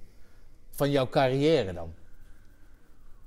Dat interesseert je natuurlijk niet wat zij ervan vinden, als ik het wil. Nee, maar Nou ja, wat, wat, Ja, sommigen sommige zeiden met de, de reunie die we hadden, eh, ja, daar hebben we altijd al wel gedacht. Ja. Net als de Luid. En dat, dat geloof ik ook wel. De Luid was ook ver gekomen. Maar, maar Ton is toen gestopt. Maar ik zeg altijd terug, ja, maar kijk eens even hier naar jezelf. Pak nou eens die lichting commando's. En kijk dan eens waar die mannen allemaal terecht zijn gekomen. ik, vind het allemaal succesverhalen. En dat ik dan in dienst ben gebleven en op deze manier. nee, maar juist omdat jij in dienst bent ja. gebleven. Nou, dat- i- Ieder zijn verhaal natuurlijk hè, in de burgerij, maar juist omdat je in, in dat ding waar iedereen als dienstplichtig aangeroken heeft, maar jij bent dan geen dienstplichtig geweest, maar dat je daarin bent blijven hangen en dat je daar dan zeg maar, nou, met alle omstandigheden die je geschetst hebt, dat je dat dan bereikt hebt, dat, dat, vind, ik, dat vind ik wel Ja. iets om trots op te zijn. Nou, dat zeggen ze ook, hè. Van, Ja. hey, dat is gaaf. En eh, ik weet nog wel dat de eentje zei, ik weet even niet meer wie hoor. Ja, maar dat kan ik niet anders. Want volgens mij heb jij groen bloed in plaats van rood bloed. Ja, oké. Dat vond ik wel typerend. Ja, oké. Hey, eh, wat, eh, wat is die waarde van jou, eh, van die beret? Voor jou, als je dat zo is. hoe lang moet je nu nog? Ik mag nog twee jaar en dan ga ik met eh functionele leeftijd ontslag en ben ik 60 jaar. Oké. En dat was 55, toch? Nou, dat was 55. Wanneer werd dat naar 60 verhoogd? Nou ja, het is een paar stappen gegaan. Het Nee, oké, maar van- wanneer van, eh, wist je dat het eh, niet meer op je 55ste was? Even uit mijn hoofd doen. Maar is dat 20 jaar geleden of nee, is dat nee, nee, iets van de laatste nee, tijd? is allemaal best wel recent. Oh, oké. Dus wij zijn van 55 naar 58 gegaan, van 58 naar 60. En dan sommige lichtingen hebben nu nog een keuze of je door wilt tot je 62. Hè? Eh, en straks is het voor een ieder 62. Oké. Maar goed, zoals ook de pensioenleeftijden in de loop der Nee, jaren zijn. Dus ja, dat zal dat is een paar keer veranderd, zeg maar. En volgens mij is de laatste keer een jaar of zeven geweest, maar dat weet ik niet helemaal Hm, oké. zeker meer. Ja. Maar we waren bij die waarde van de beret. Nou, de waarde van de bret, ehm, die, die heeft mij laten zien, wat ik ooit met de rugby ook zag. Het gaat niet om de kwaliteit van de individuele spelers, het gaat om de kwaliteit van een team. Je kunt individueel slechter zijn, maar toch winnen als team. En dat is dezelfde waarde die ik zag bij het korps. Het gaat er niet om wat goed is voor mij, het gaat erom wat goed is voor de eenheid. Ehm, wat zijn de andere waarden? Niet goed, opnieuw. En dat is niet om je te pesten, nee, om te zorgen dat je, dat je vertrouwen krijgt in jezelf en je skills en drills. En de allerbelangrijkste waarde is, eh, ja, je kunt veel minder dan je zelf denkt. En, en dat is denk ik de kracht van, van, van die groene beret. Je, je hebt zo vaak omstandigheden meegemaakt dat je denkt, nee, dit kan toch niet erger. Maar het kan altijd erger. En sterker nog, ook al heb je je groene bret en je bent op missie, ik heb de verhalen van de jongens ook gehoord. Dan denk je alles gehad hebben en dan ook in de missie is het toch nog eens slechter of, of wat dan ook. En dan die veerkracht, de opdracht centraal stellen, het opofferingsgezinte. Ja, dat zijn toch wel dingen die ik meegekregen heb met mijn, eh, met mijn groene bret. Maar ik zeg er ook bij, maar ook met mijn vorming als onderofficier. Ik, ik, ik zie die een beetje verweven. Ehm, ja. Nou ja, dat, dat verhaal met die, met die, hoe heet hij nou ook weer, die luitenant? Ton Hartog. Ja, dat blijft mij bij. Dat je dan tegenover elkaar staat in die VO. Dat je dan samen, nou, waar ik het net al over had, maar Ja. samen dat plan maakt. Daarin zit meer dan ik ben beroeps en eh, ik heb het zwaarder dan jullie. En eh, weet je wel, daar, daar, zit al, daar zit al een beleid in, laat ik het zo zeggen. Ja. Dat, eh, nou ja, dat vind ik, eh, dat vind ik mooi, te, mooi te horen. Twee jaar nog, eh, wat, wat, wat gaat daarna gebeuren? Is dan, wordt dan de, de carnavalsband leidend eh, in, het, in je leven? Of eh, wil je dirigent worden? Of eh, wat, wat is dat? Nee, carnavalsband zal wel blij zijn, want dan kom ik in ieder geval meer repeteren dan wat ik soms nu doe. Hè? Oké. dus dat zullen ze wel fijn vinden. Ja, ik, ik weet het nog niet echt. Eh, dat heb ik ook een beetje geleerd van de jeugd. Je moet niet alles van tevoren proberen in te vullen. Eh, het enige wat ik nu wel weet, oké, ik moet niet na deze baan stoppen en helemaal niks doen. Want dat, ik denk dat die overgang te groot is. Dat is de auto. Maar voel je dat dat je dat wil dan? Nee, dat, maar dat weet ik al van mezelf. Hè. Nee, ik tuurlijk. Maar iets- heb, heb je dat gevoel dat, dat, dat er... Nee, ik, ik, ik, ik, ik ga sowieso nog iets doen. Ik heb nog niet helemaal vast wat dan precies. Nee, maar kan jij, als jij in het weekend vrij bent, kan je dan uitslapen? Eh, nou, ik hoef niet uit te slapen, ik word gewoon lekker wakker. Maar ik, kan gewoon eh, mijn wekker afzetten of, of geen wekker zetten, weet je. Dan- Nou ja, oké. Dus, dus, dat heb je. Je bent geen bezig bij de hele dag, maar Nee. functioneren en, eh, en dat. Oké. Nee, nee. Ik kan ook prima een krantje lezen of wandelen of... eh, nee, ik moet niet altijd... Podcast, eh, interviews afgeven. Bijvoorbeeld. Eh, Ja. Nee, ik hoef niet iedere dag te stuiteren. Hè? Dat hoeft dan niet. Maar ik weet wel, ik moet niet van eh, deze hectische baan, want dat is het wel, hè, met de uren naar helemaal niets doen en thuis achter de geraniums. Dat ga ik ook niet doen. Nee. Wat precies, dat weet ik nog niet helemaal. Maar goed, Diana en ik hebben ons voorgenomen. Nou, 62. Mooie leeftijd dat we gaan kijken dat de weekenden langer worden dan de werkweken. Dus als ik iets ga doen, zit ik te denken aan drie dagen in de week. Eh, om van lieverlee nog verder af te bouwen dat we zeggen van nou het is mooi geweest, we stoppen alle twee. Dat kunnen we dan ook tegelijkertijd. Wat vind ik mooi? Ik, zit te denken aan begeleiding van de jeugd. Ehm, ik, ik denk dat wij als seniors eh, jeugd die, die af en toe niet goed weet hoe het met zichzelf om te gaan of een ander nou, niet, niet een gezinssituatie hebben die stabiel is, waardoor ze nou, wel of niet van, van het pad afgaan. Weet je wel. En wat we dan hebben als militairen of met rugby, eh, coaches hebben dat ook. Eh, rust, reinheid, regels, regelmaat. Eh, dat kunnen wij. Want dat, zit erin gebakken als militair zijn. En ik, iets zegt mij dat dat ook gaat werken op de jeugd. En, en, en toon nou eens vertrouwen in de jeugd. En hoe trek je ze van daaruit positief omhoog. Dus, dus dat soort werk. En dat doen we bij Defensie ook. Dat heet de begeleiding bijzondere jeugd Koninklijke Landmacht. Ehm, waar we dat al bij doen. En, en dat lijkt mij grandioos. Daarin is bijzondere jeugd naar het leger toetrekken of bijzondere Nou, jeugd die al in het leger zit? Nee, nog, nog niet eens naar het Nou. leger toetrekken. hè. Het is een beetje ook eh, maatschappelijke verantwoordelijkheid die we daarin Ah, nemen. Waar het om gaat is dat, dat we jongens die dreigen eh, weg te vallen, zeggen we, "Joh, we kunnen je helpen. Ja. En, en waar we in eerste instantie mee kijken is van, kunnen we je helpen in je scholing? Kunnen we hebben, helpen dat je een vak leert? Kunnen we helpen dat je aan een baan komt? Oh, en enkeling, oh, je, je wilt ook nog eens bij Defensie? Nou, dat kan ook. En dan hebben we dit traject voor. Dus dat, dat, dat, dat, die harde leerschool van hè? En, het en- OSCAM, die, die moet je, of niet alleen het natuurlijk, maar dat moet jou aanspreken, zeker met dat rugbyverleden van je. Ja, absoluut. Als geen ander. Ja. Ja? Eh, en, en oh ja, ik zie daar ook een hoop oud-militairen in terugkomen. Ja. hè Ron Aartsen, Ed Toskamp, Peer Mouwen. En zo zijn er nog legio te noemen die ik allemaal niet ken. Maar dat soort projecten, dat is natuurlijk grandioos. Ja, Ja. oké. Ja. Hey, eh, ben, ben jij eigenlijk opa dan of zo? Of, Ja, eh, ja. Nou, dus dat gaat ja, je had het net even over je kleinkinderen. Ja. Nee, ik, Hoe doe je dat dan Ja, dat... in het weekend? Want dan moet je eh, eh, Diana dus betonen dat, je, dat het echt over twee jaar geweldige tijd daarna wordt. Want dan ben ik elke dag, schatje. Ja. En heb je ook nog die twee kerels, je hebt je stiefkinderen, maar dan heb je ook nog je kleintjes. Ja, ja. Hoe oud zijn die? Eh, Mick eh, is zes, en Mara eh, is vier en Max die is nu bijna anderhalf. Chill. Nou, dat is ook waar. Kijk, ik, ik, ik heb straks al eens een keer aangegeven, ik, ik moet best wel wat in de weekenden proppen. En, en ik kan niet spontaan of wat dan ook, want eh, ook dat is allemaal best wel georganiseerd. Nou, en ook daar kijk ik naar uit van om gewoon veel meer tijd te hebben, waardoor je dus door de week eh, eens een keer eh, Ja, of een oppasdag kan hebben. afijn. Of Ja. eh, een keer op een zaterdag naar een voetbalwedstrijdje gaat kijken van, eh, of, of, of de sport van Mara, wat iets meer zijn. Ja, daar kan ik me ook echt wel erg op verheugen om, om daar gewoon wat meer tijd aan te kunnen besteden. Ja. Ehm, omdat dat. Ze herkennen je wel. Ja, ja. Nee, dit is, wie is dat? Wie is die gekke meneer daar? Nee, nee. Nee, Oké, zo Kijk, erg is het nog niet. Eh, heel leuk, vorige week donderdag gebeurde dat spontaan. Want ik was thuis omdat er eh, zonnepanelen gezet werden. En toen kwamen ze langs gefietst. Dan zegt ze, oké. Zo opa. Nee, met met name mijn zoon had zoiets. Hè? Donderdag, paas thuis, weet je wel. Oh, zo. Eh, maar goed, de kleinzoon, ja, opa had dit nou. Wat ga je doen? Eh, ja, we gaan een terrasje pakken. Dus ik kijk Diana zo eens aan. Zeg, het is mooi weer, Diana. Maar ja, het is had eigenlijk gepland om eh, wat eten te koken en dat we thuis zouden eten.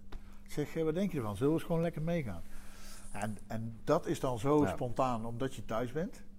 Ja. Ja, daar kan ik echt naar uitkijken. Ja, dat eh, lijkt mij inderdaad. Het is natuurlijk een prachtig mooi complex hier in Utrecht. Ja, Maar het haalt het natuurlijk niet. Ik ben- ook bij je thuis geweest. Ja. hè, Een prachtig huis. Maar het, het, wat ik hier mis is natuurlijk die gezelligheid. Ja. En zeker als je dus en je kinderen al, al die tijd wat minder hebt gezien. En Ja. als nu die nieuwe ge- generatie zich aanbiedt, of aandient. ja, Dat je daar dan inderdaad eh, dat doelpunt mee kan pikken. Ja. En, en eh, dat soort zaken. nee, dus eh, nee, daar, daar kunnen we ook prima naar uitkijken. Oké. Hey, je bent gezond, of jullie zijn gezond. Dus in principe staat niks, niks jullie in de, in de weg. Nee. Als ze nou vragen om, om langer te dienen, wat zeg je dan? Nee, de bewuste keuze. eh, want dat was die keuze, hè. NDER of ODER, hè. Nieuwe dienstreinigung of oude dienstreinigung, 60 of 62. Eh, ik doe dit dan straks vier jaar. En dan denk ik dat het ook prima is als er een opvolger komt met frisse ideeën. Oké. Zie jij die opvolger al ergens rondlopen? Eh, ja, ik, ik kijk wel rond wie de potentiële kandidaten zouden kunnen zijn. Want dat is op aan de komende landstrijdkrachten. Nee, maar goed, jij bent zijn oren en ogen, dus jij, jij dient hem aan, toch? Nee, goed, ik, ik, ik, ik, ik zie wel mensen die absoluut de potentie hebben om eh, mij op te volgen. Ehm, maar ik denk na vier jaar gezonde, frisse wind van hey, iemand anders weer met frisse ideeën. Dat is één. Twee, dan heb ik er 42 jaar op zitten. En ik Ja, heb je best wel verteld, een tijd, ja. ik heb je verteld dat, nou, dat is ook wel in de gesprekken naar voren gekomen. Het is niet echt een 8 tot 5 baan, het is ook echt wel een way of life. En ik denk dat het ook wel terecht is. Diana eh, heeft mij leren kennen als binnenslaper, hè, toen we het daar straks over hadden in eh, Weert. Nou, dan eh, denk ik van 2006 tot en met eh 2023, ja. na 17 jaar, dat Ja. hij ook terecht zegt van... Schuif de bonnen, kom maar eens lekker naast me ik, heb er, ik heb er geen moeite mee als je gewoon heel de week thuis bent, zeg maar. Ja. En nogmaals, er legt me niks in de weg, maar dat vind ik wel een, een terechte. En, en ja, je, je bent nu nog gezond, dus eh, ja, wat, wat let je? Hè? Je moet ook niet wachten tot dat, hè? Nee. Dus ehm, nee, nogmaals, ik wil best wel iets gaan doen, maar ik ga niet per direct stoppen. Dat is één. Eh 42 dienstjaar, ik vind het een mooi iets. Ik vind het ook terecht na zoveel jaar binnenslapen dat ik eh, wat vaker thuis ben. Om ook die overgang naar een volledig pensioneren. Nou ja, en als je daar dan ook nog eens ehm, je kinderen, je kleinkinderen en, en, en, en allemaal, of, maar ook je eigen broers en zussen, gewoon meer kunt zien. Zou ik niet weten met welke baan ze mij gaan overhalen om langer te dienen. Nee. Nou, en vooral als het initiatief met, met, met jouw missie met de jeugd er is en je die zelf kan vormgeven, zou het, zou het een schande zijn om al die eh, ervaring en, en eh, expertise eh, zomaar los te Ja. laten, toch? En, Ja. en niet eventjes, al is het drie dagen, even terug te geven aan, eh, aan de maatschappij. Ja, een stukje zingeving, hè? Ja. Dat, eh, ja, dat past dan ook wel, vind ik. Ja, absoluut. Ja. Nou, Ad, jongen. Ik eh, ken, je, ken je nog niet zo goed, en, maar ik, ik, ik mag zeggen, ja, je hebt er helemaal niks aan. Maar ik ben trots op je. Ik vind het echt een, een geweldig mooi verhaal. Dankjewel. Wij gaan elkaar in ieder geval volgend jaar zien. Ja. En, en doe je best. Gaan we doen, dankjewel. Wat een goed verhaal had. Het korps mag trots op jouw carrière zijn. Nog even twee jaartjes buffelen en ga dan genieten van die andere fase. Veel geluk, succes en gezondheid toegewenst.